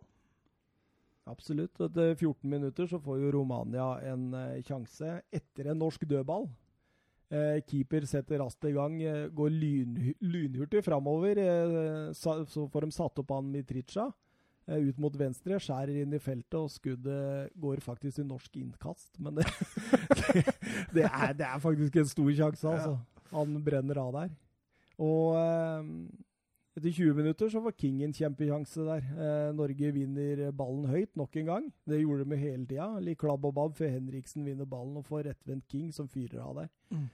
Eh, etter det så syns jeg ja, da begynner liksom Romania å få flytta laget litt høyere. Du så han der Cosmin Contra. Han sto og jaga dem fremover i Mm. banen.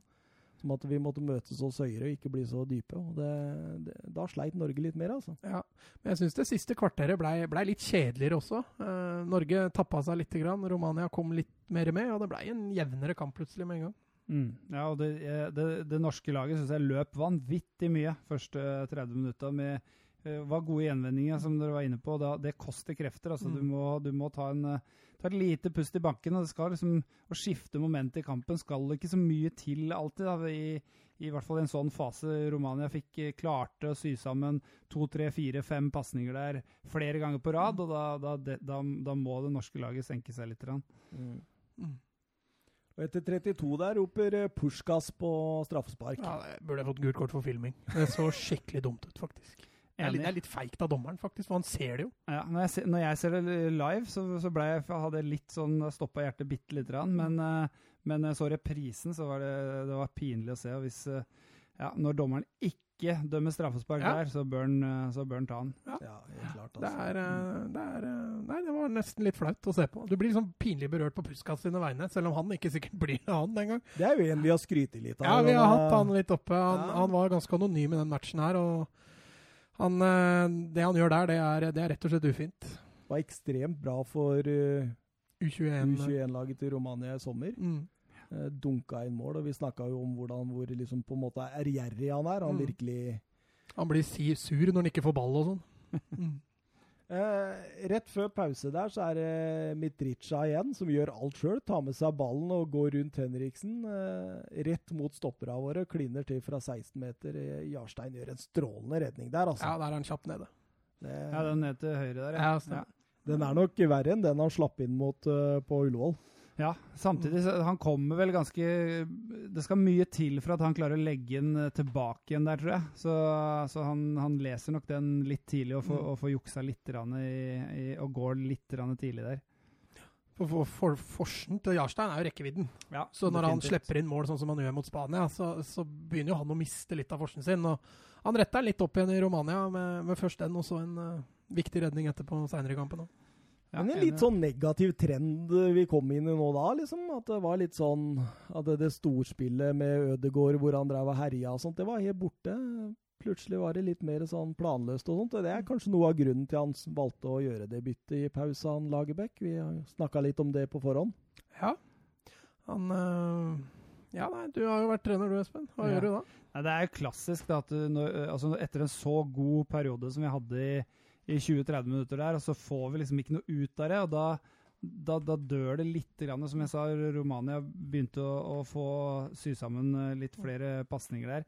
Jeg tror eh, Jeg mener jo at eh, det byttet han gjør altså Nå sitter vi jo med fasiten og, så- og fikk se kampen. Jeg syns ikke det var noe Vi fikk liten effekt av det, syns jeg. Jeg tror jeg skulle ønske at han hadde begynt kampen på nytt igjen, egentlig, når det kom ut i annen omgang, og, så- og så kjørt på som vi starta kampen. For jeg Mm. syns vi var, var litt tøffere i starten av første omgang òg, i forhold til å, å, å spille på oss press og, og komme oss ut av det. Så, så begynte vi å bli litt feigere, kanskje litt eh, slitne utover i, i første omgang der.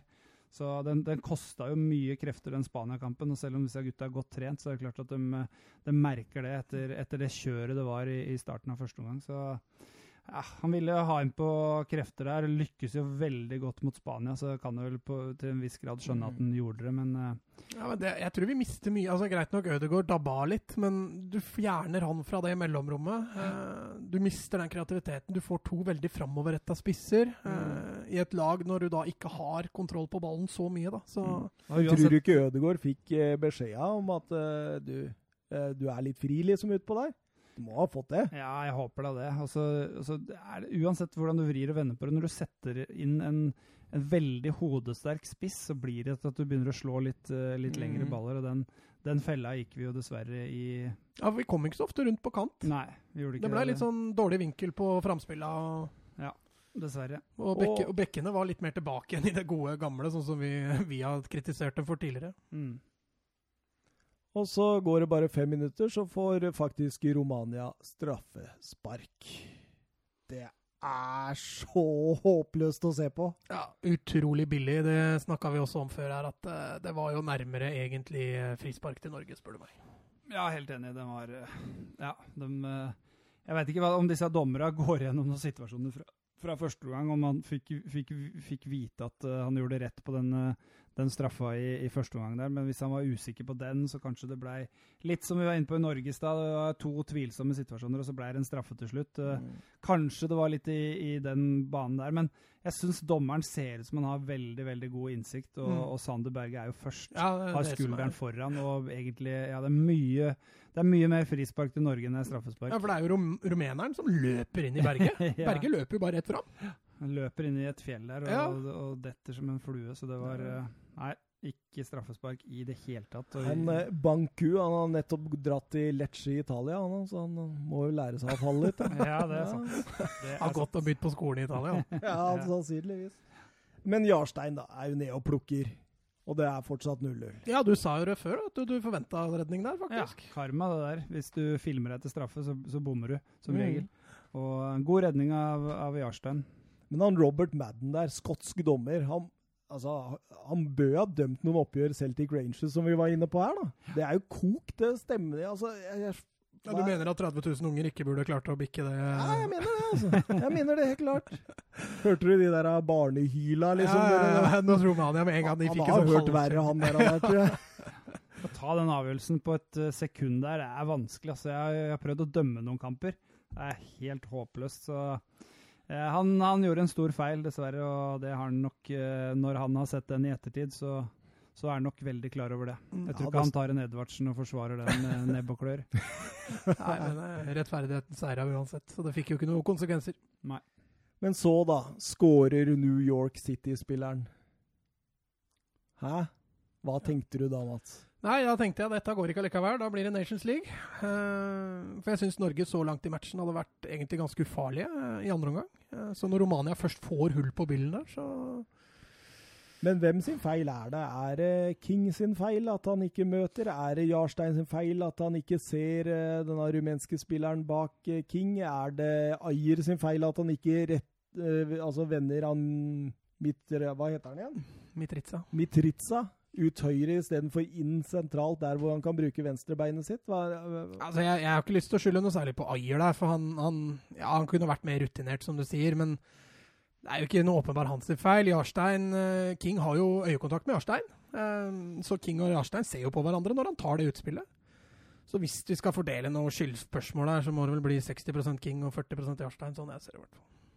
Han står veldig på Han står ekstremt på her. Ja, men uh, igjen, å miste ballen i en sånn situasjon, det, er, det kan bli en skummel overgang. og Den, den er ikke ferdigskåra idet King mister ballen, den heller. Så, Nei da. så litt uh, Ja, jeg syns jeg har litt utur der. Fantastisk eh, avslutning som, som, som går i, i lengste hjørne. Igjen, så altså uh, Jarstein kan lese den nå, litt Ja tidligere, for han må i det hjørnet der. Så lenge han Mm. kommer derfra og, ha, og har såpass press fra så, som han har, så må han egentlig slå den i det hjørnet der. Så Ja, Ayer dekker jo på en ja, måte han nærmeste. gjør, ja, han gjør jo det, men uh, ja, så jeg Hadde han gambla sånn som han gjorde på den første i første omgang, så tror jeg han har tatt den. Mm. Det tror jeg. Så for, for, ja, som du var inne på, Mats, rekkevidden er den største styrken hans. Hadde han, hadde han juksa litt der, Mm. så hadde han jo dumma seg skikkelig ut hvis han hadde klart å få den tilbake. Men 95% av gangene så går den mot lengste hjørnet med, med den skruen eh, rundt der, så eh, Overhodet ikke Jarstein sin feil. Eh, jeg syns egentlig altså er Nei, men vi tenkte jo på igangsettinga, ja, da. ja, jeg skjønte det.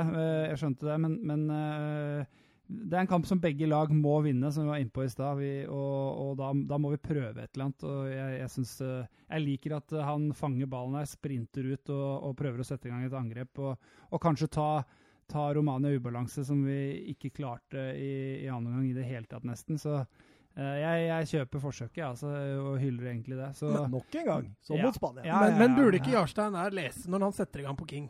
Han, burde ikke han enten tenke at den må jeg slå foran King, så han kan angripe rommet, Mm. eller så må han slå den i beina på King, sånn som han gjør, da. Ja. Men da må han jo lese spillet at King har ikke rom foran seg, for der står det en rumener. ja, han bør, bør kanskje kaste, kaste den lenger. Altså, Ja, så altså, kan altså sånn at King kan angripe ballen, Ja. eller så må han jo kaste den enda kortere, da, sånn at King kan møte. ja. Men han, han sier i intervjuet etter kampen, eh, Jarstein, at eh, sånn jeg så det, så var King helt aleine. Ja. At jeg kunne ikke se han, Nei. rett og slett. Nei, da er det jo, da er det jo greit, da. Jeg tenkte Nations League før kampen. Ja, som at, eh, når, eh, ja, for ikke, ikke pga. Norge, men jeg var ganske sikker på at eh, Eller jeg, jeg trodde nok at Sverige kom til å, å klare noe lignende Norge gjorde mot det spanske laget der. Ja, Så, men, men, men selv om Spania greide bare 1-1 mot Sverige, så hadde jo Sverige igjen Romania. ja, Så hadde de avgitt poeng der, så Ja. hadde jo Norge vært forbi ja. med seier og regner med at de slår Færøyene og Malta. da. ja Så- skal ikke kimse av Færøyene. De har en stopper fra HamKam. Ja, det stemmer det. Ja, han var vi litt inne på. Ja, faktisk snakka hadde... om tidligere. Ja, ja, stemmer. Jeg husker ikke hva han heter nå, men Oddmar Færø. Han, Ja, ja, ja, han har vært skada, så han var ikke med denne runden her. Men han Og da tapte Færøyene. da, Nei, de vant. de vant, De vant Malta. over Malta. Stemmer. Men han kommer til å være med mot, uh, mot Norge igjen. Han har jo spilt uh, fast hele veien, så han uh, Så der har vi ikke kjangs, dessverre. Hvis ikke vi da tar ut Markus Solbakken og utligner den ja, ja. HamKam-fordelen til uh, må, må få inn noen HamKam-spillere inn der. Ja, ja, Ja, det er absolutt. Eh, Cosmin Contra han eh, finner ut nå at eh, yes, vi leder 1-0. Da kjører vi inn på Florin Andone som en rein kontringsspiller Mm, Istedenfor Puskas, ja. istedenfor Puskas. Da var han ikke så- sint på Puskas der, ja? Og så skikkelig etter det- straffebommen. Ja, ja, jeg tror det var derfor, ja. Ja. At han det rett og slett fikk Ja, ja, hårføneren, ja, rett og slett. Ut med han kødden der, tenkte han, og så er jo, han er jo 22 år, Puskas. da. Det er, Vær litt forsiktig med hvordan du behandler disse. Han ga han ikke sjøltillit, for å si det Nei, sånn. det. Han bygde den ikke opp. Nei, han gjorde ikke det. Men Andone han er svært nære minuttet etter. Han eh, header den i tverrleggeren der fra fire meter. Ja, og ned, ja. Den lander jo rett utafor streken, og Ayer får vel til slutt klarert der, men uh... Etter at Hovland tar ut uh, en som egentlig får et uh, åpent mål, så um, det, var- det var Hovland sin fortjeneste at vi ikke får 2-0 der. Ja, Det var en liten detalj. Han uh, kommer en rumener som er først, og så løper Hovland inn i, i kroppen på han, så han, han kommer ikke til ballen. Han går og spretter over den, Ja, Som gjør at Ayer får, uh, får uh, klarert. Og du ser jo, ballen kommer jo fra Sørloth, fordi han eh, tror jo de skal vinne duellen foran ja. Så han treffer den jo rett tilbake igjen der. Eh, der er, det er nære, altså. Det er nære, Men eh, det gir også en direkte overgang til Norge, faktisk. En kjempekjanse der. Eh, Ødegaard og King kombinerer rett etter, og eh, King kommer rettvendt mot fire smale rumenske forsvarsspillere. De står veldig smalt, og vi har faktisk seks mann oppover. To i bredden og én i løp bak. Berge. Mm. Skulle ønske han kunne brukt Berge der med en gang. Men Berge velger hadde større fart, ja. Ja. Og hvis han hadde brukt han der, så hadde Berge vært igjennom, faktisk. Men han bruker ut eh, venstre, og det, det ender jo opp med at eh, Selnes holder på å sette ballen inn der, da. Men eh, det blei ikke noe ut Nei, der. der igjen så mangler, det- mangler vi en klinisk spiller, rett og slett. For Selnes han stopper opp, orienterer seg, og så blir det rett og slett for seint. For han skyter vel rett i blokka der, hvis ikke jeg husker feil? Ja. Eller skyter han Ja, utafor? det, det, Det er Selnes Brara drar av, og Ødegaard. Som får avslutte. Ja, ja, sånn var det. Han drar seg Mm. inn igjen til Ødegaard, ja. ja Det er Sånn, litt dårlig pasning, syns jeg. Kommer han litt foran Selnes der, så kan han brenne av på, på første. Ja. Men, men er det en pasning fra Selnes? For han, Nei, nei, det er det ikke. nei, for han prøver jo å ta igjen Ja, ballen ja, ja. sjøl, så kommer Ødegaard inn der. Ja, og- nei, det, det er ikke noe pasning, men pasningen ut Fra- til Ja, Selnes sånn, ja. Sånn, fra ja. King til Ja, Selnes. hvis, hvis den er mer presis, litt mer foran, så får jo Selnes avslutte på første. Ja, det er sant. Det er helt riktig. Men nå kommer byttet jeg skjønner minst av i hele verden, faktisk. I hele verden. Ja, jeg, jeg, jeg, var faktisk frustrert i det, og jeg tror jeg sendte deg en melding Ja, det var da jeg svarte med at Ja. har vi ikke bedre alternativer Fordi enn dette? når Bjørn Mars Johnsen kommer inn der da, da tenker jeg liksom Da, da, da jeg, jeg, mangler faktisk litt ord. Mm. Altså, han tar av Selnes der. Altså, jeg, jeg tenker Hadde det ikke vært bedre med en av Elionossi-brødrene? Eller er det brødre? Er det brødre? Fettere. En av Elionossi-fetterne eller noe sånt? Med litt sånn Litt kvikke bein og Mm. litt overgangsmuligheter. Altså, Romania hadde jo ikke lagt seg. Nei. Også, men, men det som også stusser litt, da, Norge i den kampen her kommer jo sjelden rundt på kantene. Vi slo sjelden innlegg, og så da skal vi ta ut en av de beste innleggsføttene vi har. Og så sette inn på en som da skal stange inn de legga. Så nei, jeg er helt enig. Jeg forsto svært lite av det byttet. Og vi gikk jo da fra å spille med starte med fire sentrale midtbanespillere til å gå over til å spille med tre midtspisser. Ja. Så det var jo lite flyt og lite balanse i det laget der, altså. Ja, og da, da gikk vi jo også over til en spillestil som, eh, som ligner kanskje mer på Lagerbäcks eh, Island, eh, og det lyktes jo ikke i det hele tatt, dessverre. Så jeg er jo enig i, i etterpåklokskapens navn, så, så, så bør vi jo mm, komme oss rundt på kanten, og da må vi ha kvikkere og bedre spillere på, på banen. Så, så, Ja, for uh, alle Sami og Omar er jo for så vidt offensive, men gode innleggsføtter, det har de jo ikke. Nei, det har de ikke. Nei, absolutt ikke. Og det Altså det, De kommende 20 minuttene nå er de dårligste vi spilte i løpet av de 180 minuttene, altså. Ja, det er jeg helt enig. var, eh, det Det var er frustrerende og Ja. Ja, da, var jo, da skulle vi bare slå langt. Ja. Og så langt på, på Mars, og så skulle de to andre løpe, løpe rundt. Mm. Det, det lykkes ikke i det hele tatt. Nei, og så ser du Ayer er jo superfrustrert bak der, for Mm. Romania kontrer på kontring på kontring. Ja, de står igjen, ja. Ja, og gutta står igjen Mm. på topp der for Norge og venter på at uh, vi skal vinne igjen ballen. Og havner jo støtt og stadig i undertall bak der, så jeg er jo kjempeheldig at Romania verken er dyktige nok eller, eller bevisste nok da, til å utnytte dette bedre. Og så underbygger jo alt dette skåringa, som du sikkert eh, kommer til. Men, Ja, ja. men det kommer jo av et eh, når, vi, når vi får inn en innleggsfot, da, Mm. så, så slår jo han et godt innlegg, og Mm. da Ja, Da skårer vi. Mathias Nordmann kom inn, han. Ja, jeg, vi sa jo det før sending, at Mm. jeg ville gjerne sett at han spilte mer. Eh, han er eh, flinkere med kula enn det Henriksen er, og heller brukt Henriksen på en slags kantrolle istedenfor en Johansen, f.eks. Men eh, ja, jeg syns eh, Mathias Nordmann kommer inn og gjør en eh, meget eh, god figur den lille tida han fikk. Er han fortsatt Brightons eie, eller har de helt kvitta seg med han? Jeg tror han er helt eh, Rostovs eie, Helt Rostovs eie nå, ja. Ja. uten at jeg kan si det 100% sikkert. Ja, han har også vært i kjempeform. Har Skåra noen flotte mål og, og herja i, Han i Russland. fantastisk assist òg. Ja, ja. Så, så i den formen han var i òg, så, så hadde det vært interessant å bruke han. Vi var Mm. inne på Braut Haaland i stad. Han hadde antagelig bare Det hadde dett i en ball i huet på han, så hadde han skåret Ja. eh, i en av de kampene der. Men, eh, men eh, ja. Ja, altså, han fikk ballen og serverte. Ja, og for han- Sørloth han han viser, Der viser Sørloth uh, egenskaper, men forferdelig forsvarsspill av Ja. Leder 1-0 på det der, og der, og så er det tellefeil, og det er tre som altså, Så du den avstanden mellom eh, de som holdt det var, Norge var vel tre mot to inne i feltet, og så hadde resten forskyvet seg ut mot uh, 16, ja. ja. Mm. I Det- alle dager. Det handler, er veldig bra av Sørloth, selvsagt er det det, men det handler jo veldig ofte om innlegget. Ja. Og det innlegget er fantastisk bra. Mm. Da, Altså, er det hardt, vet du, så han kan Ja, det angripe kula? ja, det er akkurat det. Også, og, og foran, da. Mm. Så den, det er Ja, igjen. Uh, Bekka våre slår ikke så gode innlegg. Det blir ikke den krafta som det, som det nordmann hadde på det innlegget. Og det, er innlegget det, ja, det er nesten ferdigskåra. Ja, nei, jeg hyller igjen Mathias Nordmann. Jeg, jeg syns han fortjener eh, flere minutter i neste samling. Eh, Jeg regner med han får det òg, siden det er Malta Ja. og Færøyene og Norge er så å si ute av EM. Nå er det jo sjanse å prøve litt, da. Ja, kanskje vi til og med skulle Ja, nå skal vi Han kanskje inn Østi, Ja, Østi, et, ja. Østigård. Jeg tenkte Ja. på han, ja. At, eh, nå har vi vel Strålende i San Pauli, han òg.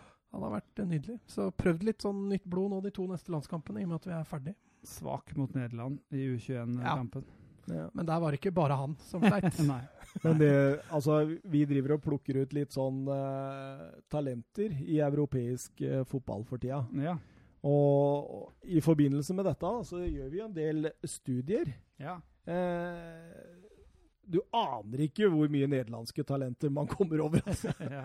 Det er helt voldsomt, altså. Snittalderen i den nederlandske ligaen er ekstremt lavt. Uh, så, det er, ikke så det, det er ikke så overraskende at det kommer mye der. Altså, Sammenligne igjen i disse Wisecout uh, har jo oversikt over absolutt alt. Og snittalderen til, uh, til, til laga i den nederlandske serien er ekstremt lavt. Mm.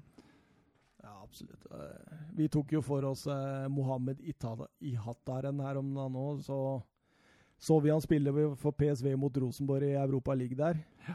Ja, han, han ligger jo Han er 17 år. Mm. Han eh, spiller fast for PSV. og Han har jo et ferdighetsregister som vi Ja, det er, det er- opp mot Martin Ødegaard allerede, liksom.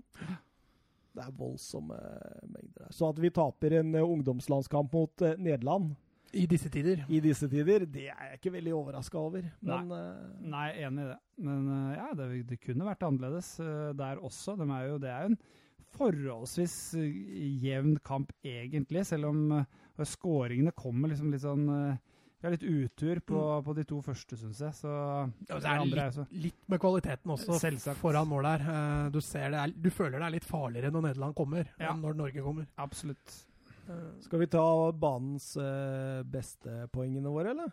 Ja, det kan vi godt gjøre. Skal vi se om jeg er like uenig med dere i det? Altså, jeg, jeg, dette er vel første gang jeg tvinger inn en spiller som ikke er norsk på Ja. lista. Uh, Mitritsa. Jeg syns han, han var utrolig artig å se på. Ja. Han var underholdende type. Får han tre? Ja, han får tre. Oi, oi, oi, oi, Han var et, ja, men Det handler ikke så mye om at han var så vanvittig god. Det er mer at Norge ikke Vi hadde Ja. ikke noen som sto Ja, ja. fram for Norge, da. Greit. Og så var han jo banens beste. Ja, han var jo banens beste. Han var, eh, er. Han var, eh, han var meget, eh, meget solid. Og så mm. Etter det første halvtimen så lå jo Ødegaard veldig godt an, men han plumpa jo Voldsomt. plumpa jo veldig gjennom.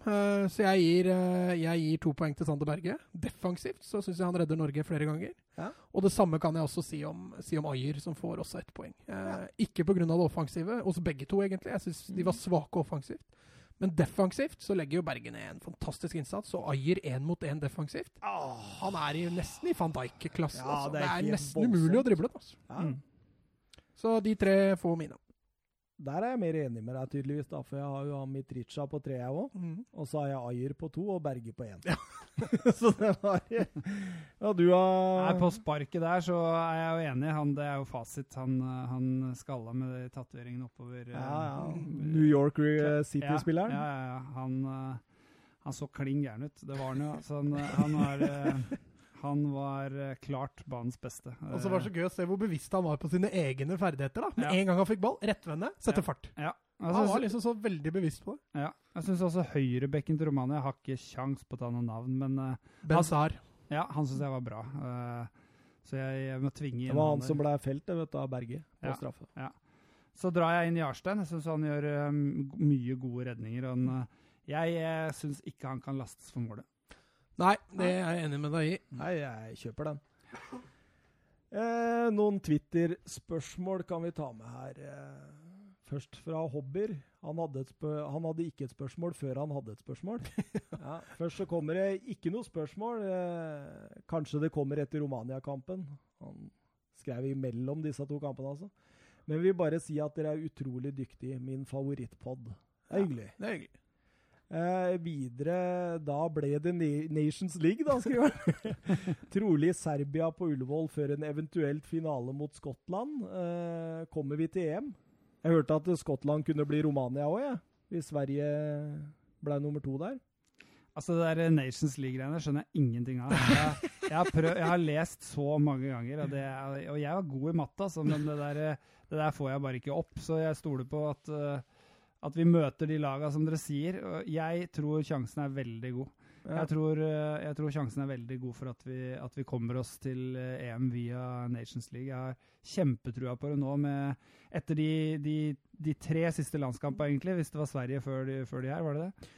Eh, ja, det Ja. var det vel. Sverige og Malta, ja. Så, så etter, etter de tre kampene der, så har jeg eh, fått kjempetrua på det. Og når vi får, får Braut Haaland der, og, så, så tror jeg definitivt det kan gå. Ja, altså for, for å koke det ned, for å gjøre det litt sånn forståelig for folk, da, så kommer vi til å møte eh, Serbia på Ullevål i semifinalen. Det er nesten så å si sikkert. Eh, hvis vi ikke skulle gjøre det, betyr at Serbia skal klatre over Portugal på tabellen i de siste Ja, kampene, og det vil ikke skje. Altså Portugal må tape Ja. to enkle kamper, Ja. men Serbia må vinne én litt vanskelig kamp og én enkel kamp. Ja, Så det blir Serbia på Ullevål i eh, Når er det? Mars? Det blir i mars. ja. Norge har aldri vunnet en offisiell kamp i mars. Veit du det, Espen? Ja. Ja, det du visste det, ja. jeg- likevel er du så sikker på at dette går bra? Jeg spilte jo i mars. Så du, Nei. du var ikke Nei, med, å vinne, gjorde du var ikke ikke med å vinne, med andre ord? Vi, vi spilte i januar.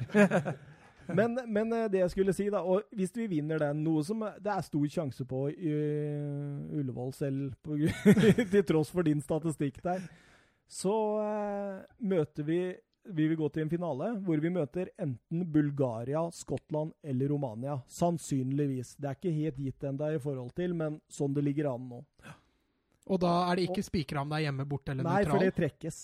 Ja, men Ja. én av de får hjemmekamp. Så vi kan liksom få norsk hjemmekamp mot eh, Bulgaria, f.eks. Det trekkes, altså. Ja, det trekkes om det blir hjemme og borte etter semien. Altså, det, blir, det er bare én kamp. Nei, det er to. Ja, vi, må ok, først sånn, slå, ja. vi må først slå Serbia hjemme, Ja, ja, ja. og så trekkes en finale da, enten mot eh, Eller så blir det en finale enten Ja. mot Bosnia, Romania, Bulgaria. ja, Bulgaria, Romania. Romania. eller Skottland. ja. Og da trekker de hvem som får hjemmekamp. I første. Nei, det er bare én kamp. én.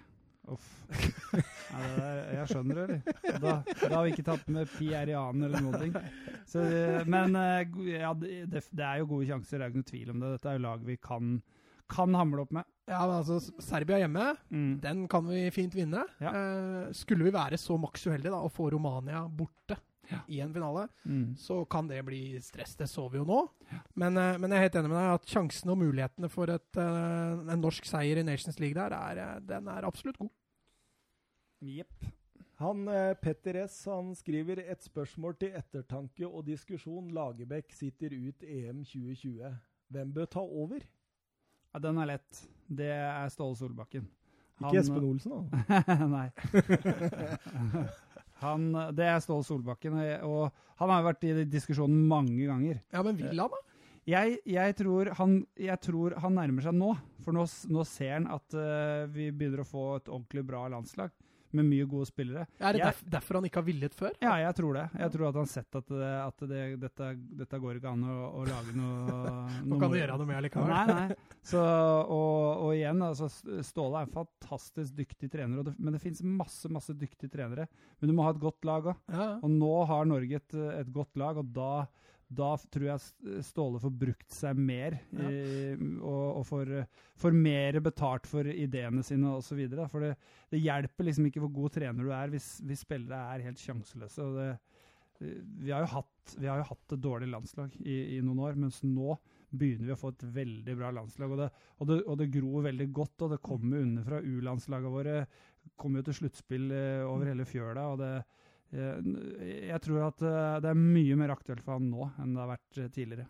Og så tror jeg det er viktig med en landslagstrener som er en god motivator. da. Eh, du behøver ikke å være så fantastisk dyktig taktisk som landslagstrener, for du får jo bare to treninger med gutta likevel. Ja. Så å sitte der og, og trene fire timer taktisk med dem, det, det er litt nytteløst allikevel. Ja, jeg, Så Ståle som en motivator òg tror jeg passer, passer bra inn. Ja, og igjen så tror jeg at en, en ordentlig god trener handler om å finne gode relasjoner Mm. og være, være pedagog, motivator, ja. Ja, og ty Så- tydelige planer. Og Ja. tydelig, være tydelig. Ja. Olsen Frigård! Nå er jeg pissa lei! Dere får masse skryt i hele ja. Uff, ja, ja, ja. Eh, Flashback. Ja, det er godt noe, hårfønere, det har det. Men, Men jeg du- så jeg satt veldig rolig i båten her. Det tror du gikk til og med, hvis Jeg ikke jeg husker det. jo, det stemmer. Jeg reiste meg opp, og så fant jeg litt frukt, og så har jeg holdt på å pisse på meg. Så jeg måtte Men du sa jo Lagerbäck. Ja, altså jeg, altså jeg refererte vel litt til det Joshua King sa. For han sa at eh, det må ikke gi seg etter 2020 nå. Det er bare NFF. Gi han en sjekkhefte, be han skrive de tallene han ønsker sjøl, og la han fortsette. Det var det King sa. Mm. Så det var derfor jeg dro inn han litt, da. Ja. Jeg hyller Lagerbäck for, eh, for det han har gjort, og den endringa han har gjort med, i spillestilen uh, osv. Men uh, igjen, så, altså, han har et veldig veldig bra landslag. Så liksom å genierklære han for at Norge plutselig har blitt så jævla gode, det, det tror jeg er feil. da. Men uh, for all del, hylle jobben han har gjort, og, og, at han har klart å snu, som jeg har sagt. Men Ståle Solbakken, tror jeg, det tror jeg er mannen, altså. Men, men, det er jo litt sånn også med han, da, for han har jo egentlig ikke en, en filosofi som er så veldig ball possession-orientert, sånn som vi har sett Norge nå det siste. Sånn at han tror jeg er litt utafor komfortsonen sin akkurat nå, og tvinges til å spille på den måten han gjør, fordi Norge har de spillertypene de har. Riktig. Mm. riktig. Og da kan det jo hende at det lønner seg å få inn en trener som har litt mer den filosofien. da. Mm. Solbakken er jo litt mer, litt mer possession-orientert og litt mer hva skal vi si, rett fram-orientert enn det Lagerbäck, eh, Lagerbäck er. da. Ja, altså, altså er Ståle veldig god til å, å, å lese, altså, lese laget han trener. Da. Når han, eh, han, trente en gjeng med grå mus oppe på Hamar, så var det bare å klinke den ballen langt unna mål. og Vi, var, vi vant jo ni bortekamper 1-0 i det året vi, vi rykka opp der. Og det, da var det å skåre det målet, og så var det å mure igjen uh, bak. Og, så, men eh, å, å, følge reisen hans da, på, på de lagene han har trent, og hvordan de har spilt fotball, så så, så, mener jeg at uh, han helt klart er i komfortsona der nå. For mm. København spiller jo fantastisk bra fotball. Og dere hadde jo den største mureren nå, da, Petter Sørensen. Ja, definitivt. Han, han det var murer, altså. Ja, ja. han danske? Ja, danske. Ja. Han dekka jo halve målet i tillegg, så det var Stemmer det. stemmer det. Men hadde dere ikke en sånn Felix Ademola? Var det, var det ikke noe sånt noe? Jo. Men det, det var, ikke noe murer. Nei, det, det, var vel en sånn uh... Ja, han var showman. Uh, han var ikke med noe, Ja, han var med på opprykket, og så var det slutt for han. han uh, da var han et par og 30 år i passet, og så var det sikkert mye eldre enn det. Litt sånn Det var en del av dem i Husker du han der som var i Premier League? Hva er han het? Ja, han som, var i Newcastle, han som kom fra Inter. Ja, Martins. Ja. Martins, Martins ja. ja. Oh, han, tror jeg, han, tror jeg, var nærmere 50 på slutten. Han var, kjempe, han var kjempetalent i Inter når han bøtta inn mot Arsenal. Han hadde fantastiske kamper mot Arsenal. Da var 18 år. Da var han 30 Og da var han 25, altså. Ja, minst. minst. Ja. Eh, men uh, over til eh, Vebjørn Fredheim fra Twitter her. Han sier eh, Han sier Hva er det han sier? Nei, nå var, jeg, nå var jeg plutselig over på han også. Var mot han Edvardsen vet du, i den straffediskusjonen, så jeg var litt på feil side. men jeg ser, som dere vet, er jeg veldig glad i talenter. Eh, kan dere gi meg navnet på de neste spillerne som kommer til å ta steget opp på A-landslaget, som Martin Haaland, eh, Berge og Ayer nå har gjort? Eh, føler vi behøver et par til, så har vi en fin stamme i mange, mange år, skriver han. Ja. Er det et par til? Jeg i hvert fall jeg lanserer Håkon Evjen. Ja. Han har vært Eliteseriens beste spiller. Nå, han, nå skal han til Nederland har uh, vært veldig god på U-landslaget. Altså, han har han har internasjonalt snitt. Han, han, uh, han løper uh, vanvittig mye i høy fart gjennom 90 minutter.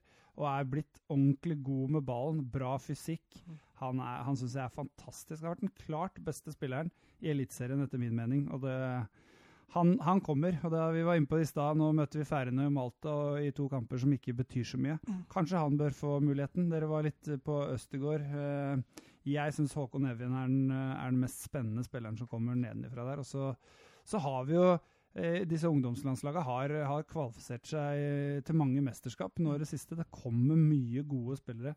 Er veldig fan av Markus Solbakken, naturlig nok. Eh, han, han ja, der er du litt inhabil. Ja, der er jeg inhabil, men han er fantastisk god med ballen. Jeg, jeg ser, ser, hvordan han kan dominere kamper i, i Obos-ligaen mot lag som Ålesund og Sandefjord og Start og de som skal spille eliteserie neste år. Så, så, så, ha, og så har han et internasjonalt snitt i forhold til at han er utrolig kvikk og kjapp med, med ballen. og Kan kanskje ligne litt på Evjen der, men han, men han er enda, enda, tryggere, enda bedre med ballen. altså det er to klare kandidater herfra. i hvert Men, men, hvor passer Evjen inn i spillet, spillet nå til Lagerbäck? Eh, han, jeg syns han har vært like god som kant og indreløper. uansett nesten. Ja, Men Lagerbäck spiller jo ikke med verken kant eller indreløper. Nei, men uh, han spiller jo med innover, innover kanter, da. Så han, uh, han kan, han kan, han kan fint, ta Johansen sin, liksom. Definitivt. Ja. Det, det, mener jeg han kan. Så du får mye mer løpskraft og bevegelighet. altså Fra en kantposisjon, så, så, som han er indreløper i, i Bodø, så stikker han jo i bakrom. Han er nede og henter ballen. Han, eh, han jobber steinhardt. og vi, Du var inne på presset til Norge i stad. Der, er- der er han enormt god i, i, i presspillet. Så nei, jeg, han, eh, han passer, han. Men ja, nei, jeg er helt enig. Eh, Du kan også slenge med Edvard Tagseth i Rosenborg. Jeg syns han i U19-VM-et nå var eh, EM var strålende. Han er til og Han har med utvikla seg i Liverpool. da. ja, da, men han er jo til og med ett år yngre enn alle de andre som var der, så han var jo tatt med ett år for tidlig. Eh, Så han, han, var, han var glimrende. Du har en Erik Botheim i Rosenborg som er lovende. Og så kan du gå enda lenger tilbake. da. Du har en Noah Holm som gikk fra Ranheim til Vålerenga nå i sommer. Han er 03-gutt, altså han er fortsatt eh, ganske ung. Og så har du jo en Men er det sønnen til han Er det det? Til han eh, danske spissen? ja, Det har ikke jeg insight. Han har Tiago som mellomnavn. Ja, det, det, ja, okay, såpass, ja. ja Han er han er eksotisk danske spissen fra Strømsgodset. Han er Nilsen. Nilsen, ja. David var, Nilsen. var ikke han- sønnen hans også Jo, men han er vel i godset? Ja, men var ikke han, er ikke han også ganske stort talent? Jo, det kan sikkert stemme. Jeg har ikke sett Hva er han heter igjen? Åh. Ah. Noah, Noah Holm, er det ikke det? Heter han Noah Holm? Nei, nå- jeg kan godt hende jeg surrer. Men, men hva med Ja, disse jeg hadde en til. Oscar Bob Oscar Bob. i Ja. Manchester City. Han kommer. Det er jo eh, en kjempetalent, men det er litt eh, Det er er- noen år til. Han er også 03, så han blir jo 16 år i år, da. Så, Ja, han, eh, så de neste etter den lista han nevnte der, det, det, det er den ikke Oscar Bob, men han kommer. Han, han gjør det. Så det er, det er mye spennende. Og det Ja, slipp dem til nå. Mm. men, men jeg føler liksom stoppeplassen Der trenger vi noen. Ja, det Ved kommer siden, en ved siden av Ayer. Ja, det kommer en uh, i, på det U20-landslaget nå, Colin Røsler. Ja. Sønnen av Ove Røsler. Oi, Breda, er, han, er Ja, ikke der han er? ja, Er han han- solgt, eller er han leid ut? Jeg tror han er leid ut, jeg er ikke helt sikker, men han er god, altså. Han er, eh, jeg syns han er den klart beste stopperen bak der. og dem, Han spiller jo ved siden av de to Lillestrøm-stopperne. Slørdal og Sandberg. ja. Ja, og eh, jeg har vært imponert over han. Syns han, eh, han er bra, kompromissløs, bra med ballen, sterk. Han er kjempespennende. Jo, også Claesson. Kristoffer Claesson fra Strømmen. Ja, fra Strømmen. Må Ja. ikke glemme en strømling. Må ikke glemme en strømling Vi over dette. trenger strømlinger på landslaget. Men han er bra òg. Ja, det er han. Han er Absolutt. spille seg Men, Vålerenga. men hva med disse sønnen til Erik Thorstvedt, Christian? Hva med Emil Bohinen og han godeste Fredrik Bjørkan? Er ikke det sønnen til Åsmund, da? Det er sønnen til Åsmund. eh, Ble brukt som indreløper i U21-kampen her nå. Har, har vært fantastisk som venstre back i Bodø-Glimt i år. Ja. Eh, også på vei ut av landet, tror jeg. da. Eh, han, eh, men i den U21-kampen så spilte han indreløper først, og så høyre back, eh, av en eller annen merkelig grunn. Så, så um, Han fikk ikke vist seg fra sin beste posisjon. Det gjorde han absolutt ikke, men han, han er spennende. Altså. Hva var de andre navnene du sa? Emil Bohin. Emil Bohin har tatt Ja. kjempesteg i år. Han har jeg fulgt litt, for han, øh, vi har prøvd å låne et par ganger til Strømmen osv. Han, han, han har vært i, liksom, i vannskorpa til å få et gjennombrudd. I år har han fått et skikkelig gjennombrudd. Han, øh, Ja, han syns jeg, ja, jeg kanskje var den beste på U21-landslaget nå. Så han også er veldig veldig spennende. Men der, han, han sliter jo litt med konkurransen der, da. Ja. Med, med Sander Berge inne sentralt der, Mm. og Henriksen. Eh, du har jo også han Selnes som, som kan brukes sentralt. Så der, er det, der har vi mye gode, veldig unge spillere. Ja, så har du jo, som hva var det siste du nevnte, Thorstvedt? Thorstvedt. Jeg syns han er litt ensidig, jeg, da. Han er god til å komme og time innløpa sine i boks, og, og, og, og da flink til å utnytte rommet foran seg. Men det var Frank Lampard òg. Det var, fikk ja, en ja, helt ja. ok karriere. Skal ikke, skal ikke, jeg, skal, jeg, avskil, jeg avskilter han ikke. Uh, jeg gjør ikke det. Men, men jeg syns ikke han er helt der oppe sammen med Evjen og, og de. altså. Og Lampard. Og Enig, han er klart lenger bak i køen. Eh, videre, jeg veit ikke Skal vi avslutte med talentet vårt, eller? Holdt jeg på å si. Ja. Det er det siste vi gjør. Men Mm. vi, vi fikk fortsatt eh, Vi har fortsatt ett eh, spørsmål til. Det kommer fra Adrian. Kan dere ta en prediction for kampen dere skal ha som hovedkamp neste uke? Kult å se hva man tenker før kampen, om det samstemmer om hvordan kampen blir. Og vi valgte jo Ja, det Manchester United mot Liverpool. Ja, det er hovedkampen neste gang. Det trekker lyttere, det, eller? Jeg, jeg håper jo det kan eh, trekke litt lyttere, selv om vi vasser i dem for tida. Men for en søndag, det der først Strømmen Raufoss på Strømmen stadion klokka tre. og så er det og Det er så bra Strømmen-kampen er først, så ikke du går fra United Liverpool til Strømmen Raufoss. Ja, Da får du litt nedtur. Kan du skru på Brann Sarpsborg på klokka åtte der. Han snakka jo om at han var Liverpool-supporter, så han bør fly ganske greit i den eh, søndagen der, tror jeg. Ja, dette det, det blir en fantastisk morsom kamp. Jeg er, jeg eh, er helt sikker på at Liverpool vinner den. De er bare veldig mye bedre enn Manchester United eh, om dagen. og De kommer til å få kjørt seg skikkelig bak der i United. Det eneste håpet jeg kan se, er at DG har en eh, helt vill kamp igjen. Han har ikke sett uh, Han ble skadet, Han ble jo skada, han òg. Ja, men ble han skikkelig skada? Ja, han er ute, sier, eh, sier ryktene i hvert fall. Ja, han har vært svak i år, så det var synd for, eh, for Liverpool, egentlig. Eh, men eh, nei, den, jeg tror Liverpool kommer til å styre den kampen der. Ja. Og dominere fullstendig på Old Trafford, og det blir jo en fryd å se på. Manchester United får tilbake, sannsynligvis, som det ligger an, Martial, Van Bissaka, Paul Pogba, Jesse Lingard og Luke Shaw. Ser alle ut til å bli klare. Så da er det bare egentlig De Gea, da. Og Bare De Gea sannsynligvis, som ser ut som uh, ikke rekker. Alison Becker virker klar for Liverpool. Uh, har trent godt gjennom hele landslagspausa. Uh, Salah blir nok klar, men det er ikke bekrefta helt av Klopp. Men det tror jeg ikke gjør så veldig mye, for han har vært ekstremt svak de siste kampene. Eh, Liverpool trolig fullt lag, hvis du ser bort fra Shakiri og Klein, da. Men de hadde jo ikke gjort noe, spilt noen rolle der uansett. Jeg håper i hvert fall at Jesse Lingard starter for eh, Ja, Manchester det skjønner jeg. Det hadde vært det, For da spiller Liverpool med en mann mer. Riktig. Ja, Jesse altså, Lingard er- og Andreas Pereira der, det Ja. hadde vært ålreit. Men hva tenker vi om kampen? da? Er det, blir det total eller overkjøring, eller er det to lag som kommer til å ta og føle på hverandre og ligge trygt og prøve å kontre? Hvis eh, Solskjær eh, Hvis jeg kjenner Solskjær sånn han har lagt opp spillet sitt litt nå, da, så tror jeg han ønsker å ligge mye etablert i forsvar og bare la Liverpool ha kula. Eh, kjøre Rashford, Martial og Daniel James på topp. Bruker hurtighet, kontringer. Eh, hvis Liverpool får det som de vil, så tar de tidlig ledelsen. Og så har United et eh, stort problem. Da har de et stort problem. Det har vært bort på. Eh, Så Men det er litt sånn enten-eller, egentlig. Men hvis United får satt forsvarsspillet sitt, hvis de ligger med korte avstander, eh, klarer å drepe tempoet i kampen, så er jo Vi har vært inne på dette, skjønner du, Espen, at Liverpool mangler den der kreative boksåpneren Mm. i treeren bak der. Men kan United gjøre det på Old Trafford? Kan de parkere bussen som, som Sheffield United eh, gjorde mot Liverpool, som kanskje er en sånn kamp du refererer til der, hvor, Ja. hvor Liverpool ikke var spesielt gode, sto stanga og stanga? Altså, kan de gjøre det på Old Trafford, Manchester United? Den Men, men Liverpool Det er, det, det er deres eneste sjanse. Jeg er helt enig med Ja. dere i det. Det er sjansen de har til å vinne kampen. For det er klart de er vasse, de tre foran der. Mm. Helt til hvis de ikke begynner å blande Lingard opp i kontringsspillet der, så, så er de jo vasse og, og har masse, masse fart. Men eh, ja, jeg, jeg, jeg sliter med å se at United bare skal legge seg mot, uh, mot Liverpool og håpe på en, eh, en 0-0-kamp eller en Mm. mm. kontring osv. Det kan hende de gjør det, men eh, Mourinho uff a meg, ja. Men du så eh, jo Chelsea-kampen. Jeg vet ikke om du fikk med deg den?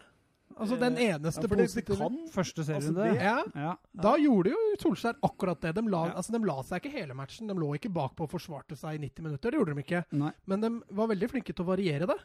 Og enkelte lengre perioder i matchen så lå United og forsvarte seg og bare kontra. Mm. Mens andre perioder så prøvde de å stå opp. De funka jo selvfølgelig veldig dårlig, men det kan hende vi får et sånt kampbilde igjen. Og da, da er det ikke sånn at vi må avskrive United, føler jeg. Men uh, hvis de får tilbake alle de du nevner, da. Ja, det ser sånn ut. For det er klart, en McTominay, Fred og Pereira og Lingard der, det, det lukter ikke på noen måte svidd. Men, men en James Martial og en Rashford med Pogba bak seg, det, det kan, kan stresse er Det er kontringsstyrke, i hvert fall. Ja, og med de på banen så kan du heller ikke legge deg bakpå på Old Trafford. Så, så jeg håper jo de ikke gjør det, for da vinner vi. Ja. Ja, jeg skal vi tippe resultat, eller er det det han er ute etter? Ja, kan vi kan jo gjøre det. Vi kan Ja. jo tippe et uh, resultat 0-3. til Liverpool. tok min. Oi, oi, oi. Dere er, dere er Da skal jeg være veldig ja, jeg 1-3 da, hvis du vil ha Ja, jeg vil ha 0-3. ja, Jeg tar 1-3 da. Martial Nei, uh, Lingard scorer for United. Nå skal jeg være sånn skikkelig partypooper, så kommer jeg til 0-0. Ja, ikke noe dårlig tips. Det endte også 0-0 i fjor. Ja. Mm.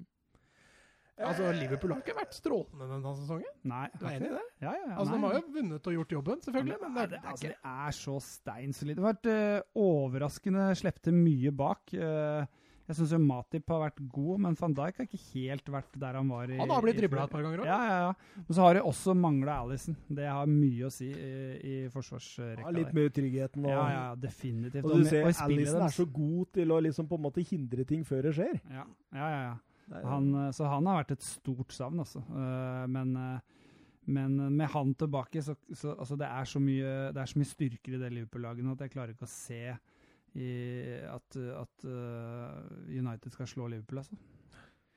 Nei, jeg er helt sikker på at United ikke slår Liverpool. Det er jeg enig i. Men, eh, men eh, det, det kan ligge an til 0-0. Altså, det spørs litt åssen inngang de har til dette. Så er jo dette som er gøy med fotball. da. Plutselig så, så har Pogba dagen. Og da, ja, I tillegg til at Rashford begynner å skåre mål på annet enn straffer, så du veit jo aldri. De er jo kapable til å, å, å få det til, men Liverpool er store, store favoritter. Norge har slått eh, Brasil i fotball-VM, og, eh, og Leicester har vunnet Premier League. Så det Ja. ja, Men uh, veit du hvem som skåra månedens mål i United forrige måned? Månedens mål i United. De hadde bare ett mål i forrige måned. Og det var på straffe. Så det er månedens mål. Månedens mål for United forrige måned gikk til Marcus Rashford på straffe der. Ja, det, Så den var litt kjip. Ja, det, er, det er en fin faktaopplysning. Den likte jeg. Eh, skal vi rusle litt eh, Vi kan jo ta talentene våre fort eh, denne gangen. Ja, fort og gæli. Jeg kan begynne, jeg. Ja, du kan begynne. Jeg valgte meg ut en spanjol som er solgt og klar for Barca. Nok et Barca-talent. Grunnen til at jeg valgte, var at jeg så kampen hans forrige helg mot Deportivo la Coronia. For Las Palmas, som han har leid ut til. Og han var en fryd og en drøm å se på. Det er uh, Iniesta light. Allerede som 16-åring så er han nede da dominerer det nest øverste nivået i, i Spania mot et av historiens beste lag i Spania. Nå sliter Deportivo riktignok fryktelig, men uh, han, han eide den matchen. Han er en offensiv midtbanespiller, kreativ sådan. Hadde to assist. Uh, Las Palmas skåra vel tre mål den kampen, tror jeg. Han, han, han var rett og slett hjertet i angrepet til Las Palmas, og det som en 16-åring. Han er født eh, 25.11.2002, så han blir jo 17 i år, riktignok, men, Ja. eh, men litt seinere. Han har rukket å få to U17-landskamper for, for Spania og skåret ett mål. Det gjorde han i, eh, i september. Så langt denne sesongen så har han ti kamper for Las Palmas. Tre mål, tre assist. Og han har stort sett fullført alle kampene for, eh, for Las Palmas, da, som er, ligger i nest øverste divisjon i, i, eh, i Spania. Pedri der, altså. Pedri, eh, det fulle navnet, det noterte jeg meg her. Skal jeg se om jeg finner igjen. Eh, nei, det gjør jeg ikke nå. Er Pedri Jo, holder- Pedro Gonzales Lopez. Okay. Ok. Ja, ja. Nei, Det blir spennende å følge med Pedri. Jeg leste, jeg leste noe om den i dag, faktisk. Det var derfor jeg, jeg sa jo det når du sa det er et Barca-talent, så sa jeg med en gang det er Pedri. Mm. Jeg leste om den i dag. Jeg har Daishon Redan, jeg, da. Eh, er det noen av dere som har hørt om han før? Nei. Nei. Nei. Han er født 2.2.2001, eh, blitt 18 år. Han blei født i Amsterdam, Nederland, som så mange av mine talenter for tida. Han er 1,76 eh, høy, en eh, liten eh, spiss, eh, bakromspiss. Eh, nåværende klubb er Hertha Berlin. Han eh, har flaska opp i Ajax-akademiet. Ble henta til Chelsea i 2018, 1. juli. Eh, fikk ikke noe særlig spilletid der annet enn på U23-laget deres, og gikk i sommer over til Hertha Berlin. Der har han fått 20 minutter i Bundesliga denne sesongen. Eh, et innhopp for eh, Salomon Kalou der på jeg tror det var 0-3-tapet mot Wolfsburg, faktisk. En skikkelig målmaskin. Har bøtta inn på nederlandske eh, aldersbestemte landslag. Eh, var med og vant eh, U17-EM eh, for Nederland i 2018. Og blei nummer to på toppskårerlista i den turneringen. Ikke sånn der voldsomt teknisk eller sterk, men ekstrem hurtig. Og bakroms liksom Mange sammenligner litt med Michael Owen, faktisk. Eh, så er den litt sånn udefinert enda, da. Så det, det blir veldig spennende å følge med i fremtiden. Men han har så mange sånne, hva kan du kalle det? Det er så, det er så mange Hva er Drillo var så opptatt av? Spissferdigheter. spisskompetanse. Ja, spisskompetanse. Det er så mye av de, da. Og hvis du utvikler alt det andre rundt også, så kommer han til å få en strålende karriere. Og det er ikke noe negativt at han har dratt i Bundesliga heller. De, de kan eh, fostre opp talenter der. Ja, det har ikke vært noe ulempe å dra til Bundesliga. De gir unggutta sjansen, dem. Ja, absolutt. Så det blir spennende å se. Fra Ajax til Chelsea til Hertha. Allerede. Veien å gå, det. Mm. Da var vi egentlig ferdig med programmet, så da kan vi la Espen Olsen fortelle artige historier fra Rorbua. Ja, ja. Nei, men det har jo vært en fryd å ha deg på besøk. Jo, takk for det. Det har vært uh, moro å være her. Ja, absolutt. Håper du- du kommer igjen en gang. Ja, ja, ja, jeg kommer. Ja, ja. Har du noe andre lag enn Liverpool, eller?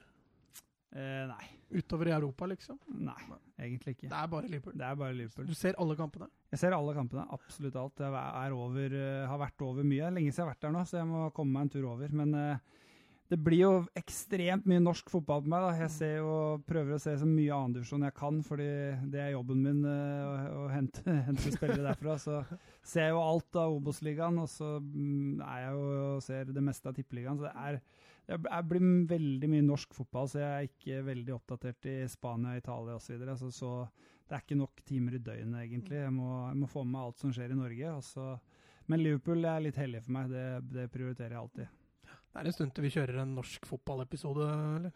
Du fikk jo spørsmål om det. Jeg har fått spørsmål om det før. På Strømmen stadion. Ja. og, og da, da var svaret du vil kjøre toppfotball, altså. men eh, Nei, men altså Jeg henger men, men, men, men du driver og scouter nedover i annendivisjon, altså?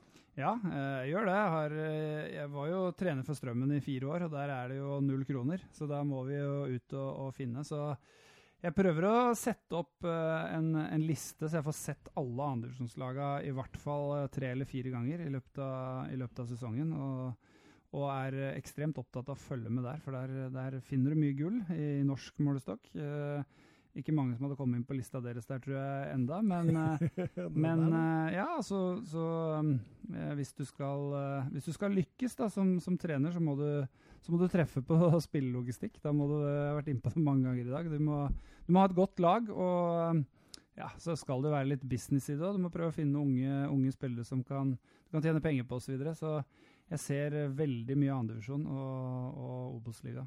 Grorud? Grorud Har, har, du gått, har du gått inne der, eller? Der har jeg vært uh, altfor mange ganger. Vi hadde dem til og med i cupen i år. Så, Lille, lillebror til Ulrik? Ja, Fabian Næss. Eh, han har jo tatt korsbåndet igjen. Ja, jeg vet. Han, har tatt, oh. han tok det andre nå, da. Ja, han tok det andre nå. Så nå har han Har tatt gjort som meg, Han altså. tatt begge. hvert sitt. Ja, så har han et Ja. ankelbrudd før det, så veldig synd. Kjempe, kjempestort. Og han der eh, som var med, ble tatt ut i eh, U21-tropp Nei, U19-troppen. Elias Hagen. Ja, riktig. Han også ble jo skada nå også, ja, men eh, Ja. også en bra spiller. Veldig veldig bra spiller. Han har fysikken i orden allerede så, Mm. så han, er, han er spennende. Det er mange gode spillere i andre divisjon. Rykker Grorud opp, eller? De er så dårlig form nå, så jeg er Ja, jeg svært usikker. Ja, jeg, jeg holder en knapp på Åsane. Kjempekjedelig, men uh, jeg tror det blir dem. De eh, spekulerte jo lenge, i hvert fall på Twitter, at de kunne få masse Oslo-lag nå opp i eh, Ja, det, Men nå rykker Skeid dratt ned, og Grorud klarer ikke opprykket, så da blir det bare Koffa, kanskje. Så. Rykker Tom Nordli ned, altså?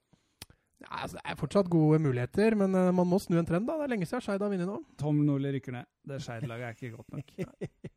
Og så har Men, men Grorud, han treneren der, ble ikke han årets unge trener? Syns jeg leste noe om det. Han Kjønø, er det det han heter? Eirik Kjøne, ja. Jo, han ble det vel i fjor, tror jeg. Mm. Så han er uh, veldig dyktig. Kjempe, kjempeflink. Og jobber vel også litt uh, for forbundet og er eh, Det er en fotballmann. eh, han lever og ånder for, for, for fotball. Så- En av flere. Ja, En av mange. en av mange. Og Bielsa. Bielsa Ja. Bare lager seg en kjeller og bare kryper ned der og blir der. blir der Ja. til neste kamp. Han er fin. ja. Det blir spennende å se hva han gjør med Leeds nå. da. Han eh, skal jo opp, virker det som. Vi må få Leeds opp. Ja. Det, det må vi. Det, Det, har vært et lite savn. Ja, absolutt. Vi Får se hvem, hvem som ender opp med å kjempe der, da. Men eh, Leeds uh, ligger en tredje nå. Nei, ja Hæ? Hva sa du nå? Ligger den på tredje Ja, nå. det er vel tredjeplass, er det ikke det? Jo. Ja, Veksler med én og to og tre, akkurat som de gjorde i fjor. Og så Ja. Siste seg seriekamp så dommer de seg ut, Ja, og så blir de nummer tre og taper kvaliken.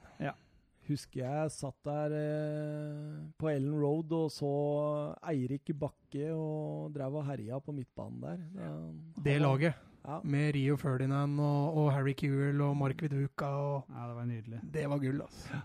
Lee Sharp. Ja, Lee ikke minst. Sharp, ja. David Ja. Batty. Ja. Og ne- Tony Eboa, husker Ja. du? Han skøyt hardt, han. ja. Oh, oh, oh. Og så traff han alltid tverrleggeren og inn. Ja. Merkelig, altså, hvordan han fikk det der. Men det er vel sønnen hans driver vel og Ja, han også var oppe nå. Ja, ja. Driver og ypper seg. Nei, nei, nei. Hjem til Vet du hva? Dattera mi har bursdag i morgen. Hun Ja. blir fem. Ja. Så jeg har lova å lage muffins til hele barnehagen med enhjørningstrø på. Oi. Så du har jobben du nå, da? Ja, hun flira seg i hjel. Samboeren min eh, hun sa du må huske på å ikke bli så sein, da. Sånn at du Rekker å lage muffins? egentlig mest lyst til å sette meg ned og spille Fifa 20, kjenner jeg. Jeg skjønte ikke helt den. Du har samboer, men må fortsatt bake. Ja. Da har du ikke gjort alt riktig. Da har du ikke gjort alt riktig. Nei, faktisk. altså, dette, Akkurat den der skal jeg vise han når jeg kommer hjem, faktisk. Ja, ta med Det er det som er så bra med forholdet vårt. Vet du, alt er 50-50. Jeg, jeg- vet du hva, jeg står og øh, vasker og rydder og styrer på, jeg. Og alt er 50-50? En moderne mann heter det, Espen. Ja, det, det gjør vel kanskje det. Jeg har kjørt helt motsatt triks. Bare klarer, hvis jeg får noen oppgaver, så, så roter jeg det til, sånn at vi gjør det sjøl neste gang. Ja, men det, jeg får følelsen følelsen at du òg kjører den taktikken. Ja, ja, ja, vi har, og er, eh, svart belte jeg rot, roter det til. Ja, ja. Og, og, og får du beskjed om å ta klesvaska, da slenger du inn en rød sokk i det hvite, liksom. Du gjør det. Eh, ja, eh, ellers så bare tar jeg én vask, og så blir lesten liggende, da, vet du. Nei, nei. Eh, takk for oss. Ja. Ja. Det var hyggelig. På Det var gjenhør. Eh, Nations, Nations League blir vel neste. Vi gidder ikke å ha episode om Færøyene og Malta, altså. Det blir friuke, da. Det blir friuke. Det er deilig, det. Eller, eller så kan vi ha en sånn alternativ pod. Vi kan, kanskje vi kan sette i gang den eh, Bundesliga-spesialen som vi snakka om. Kanskje det. Det får vi se på. God natta. God natt. God natt.